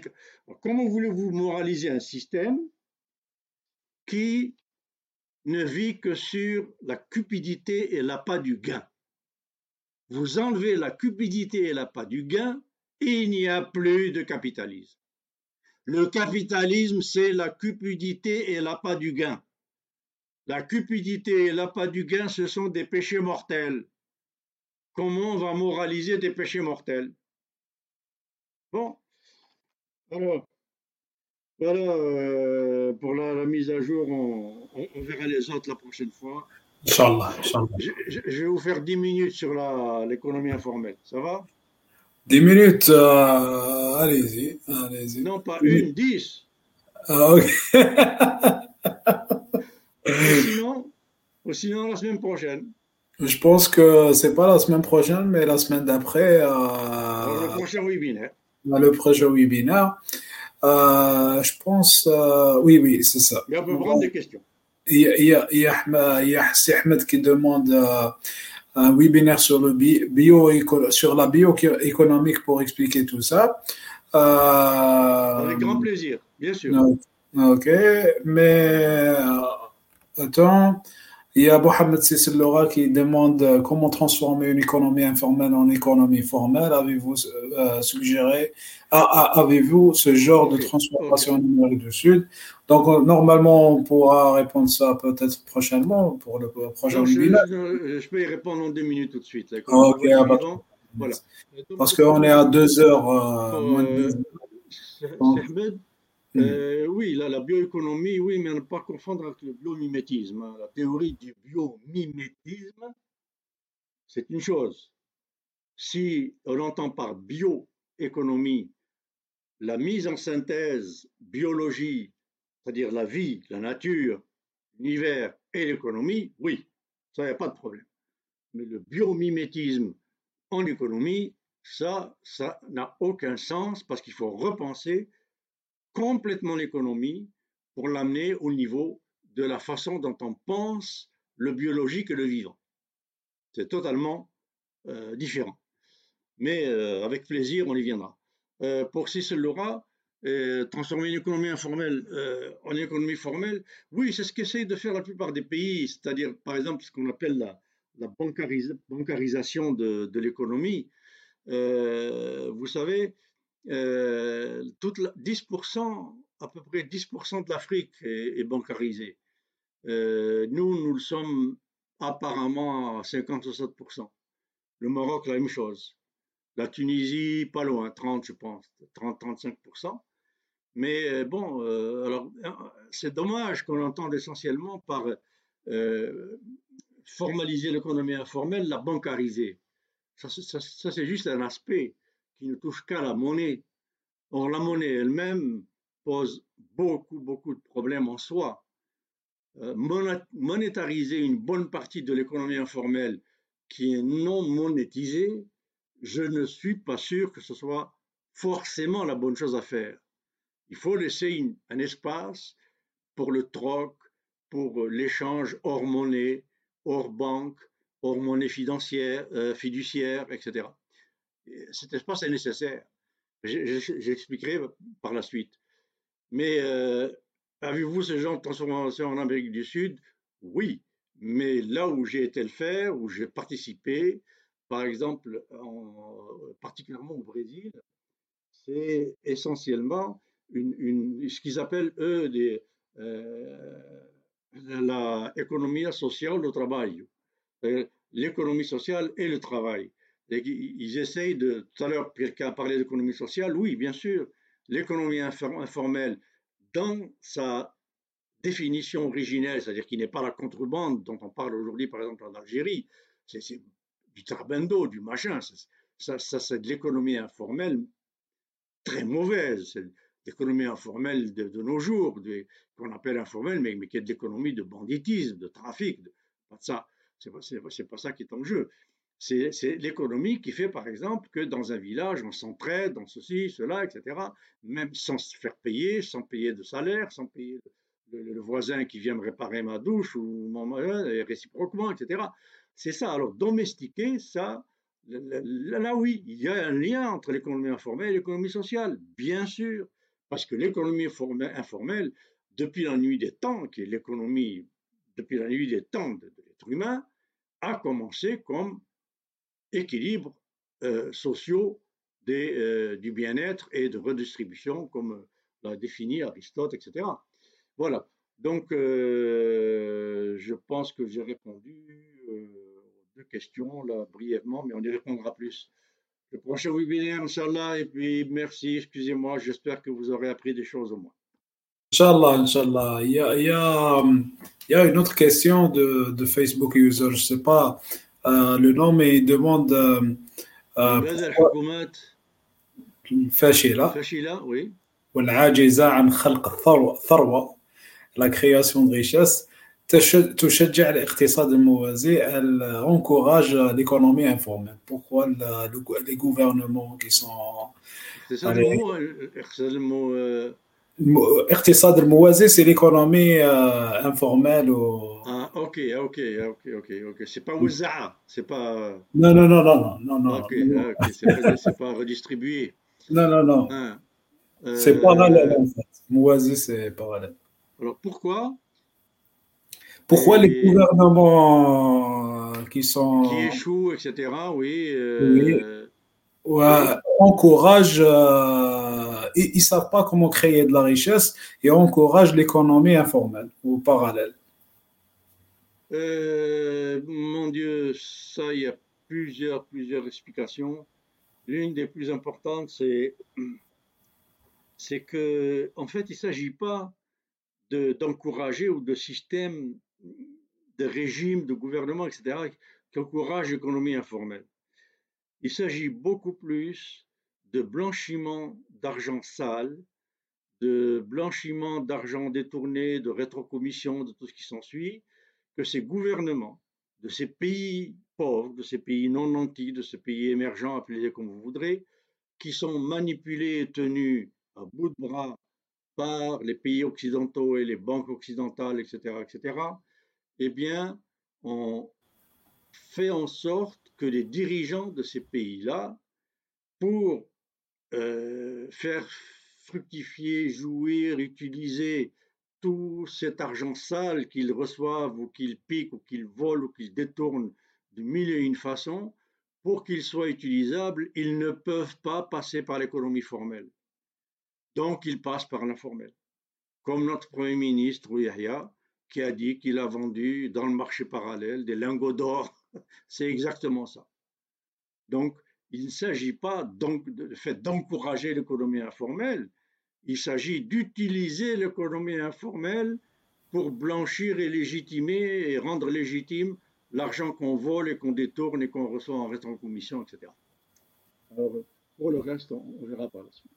Inch'Allah, c'était la question venue de Rachid euh, Souira. Je viens de voir sur Facebook. Donc, il y a c'est Rachid.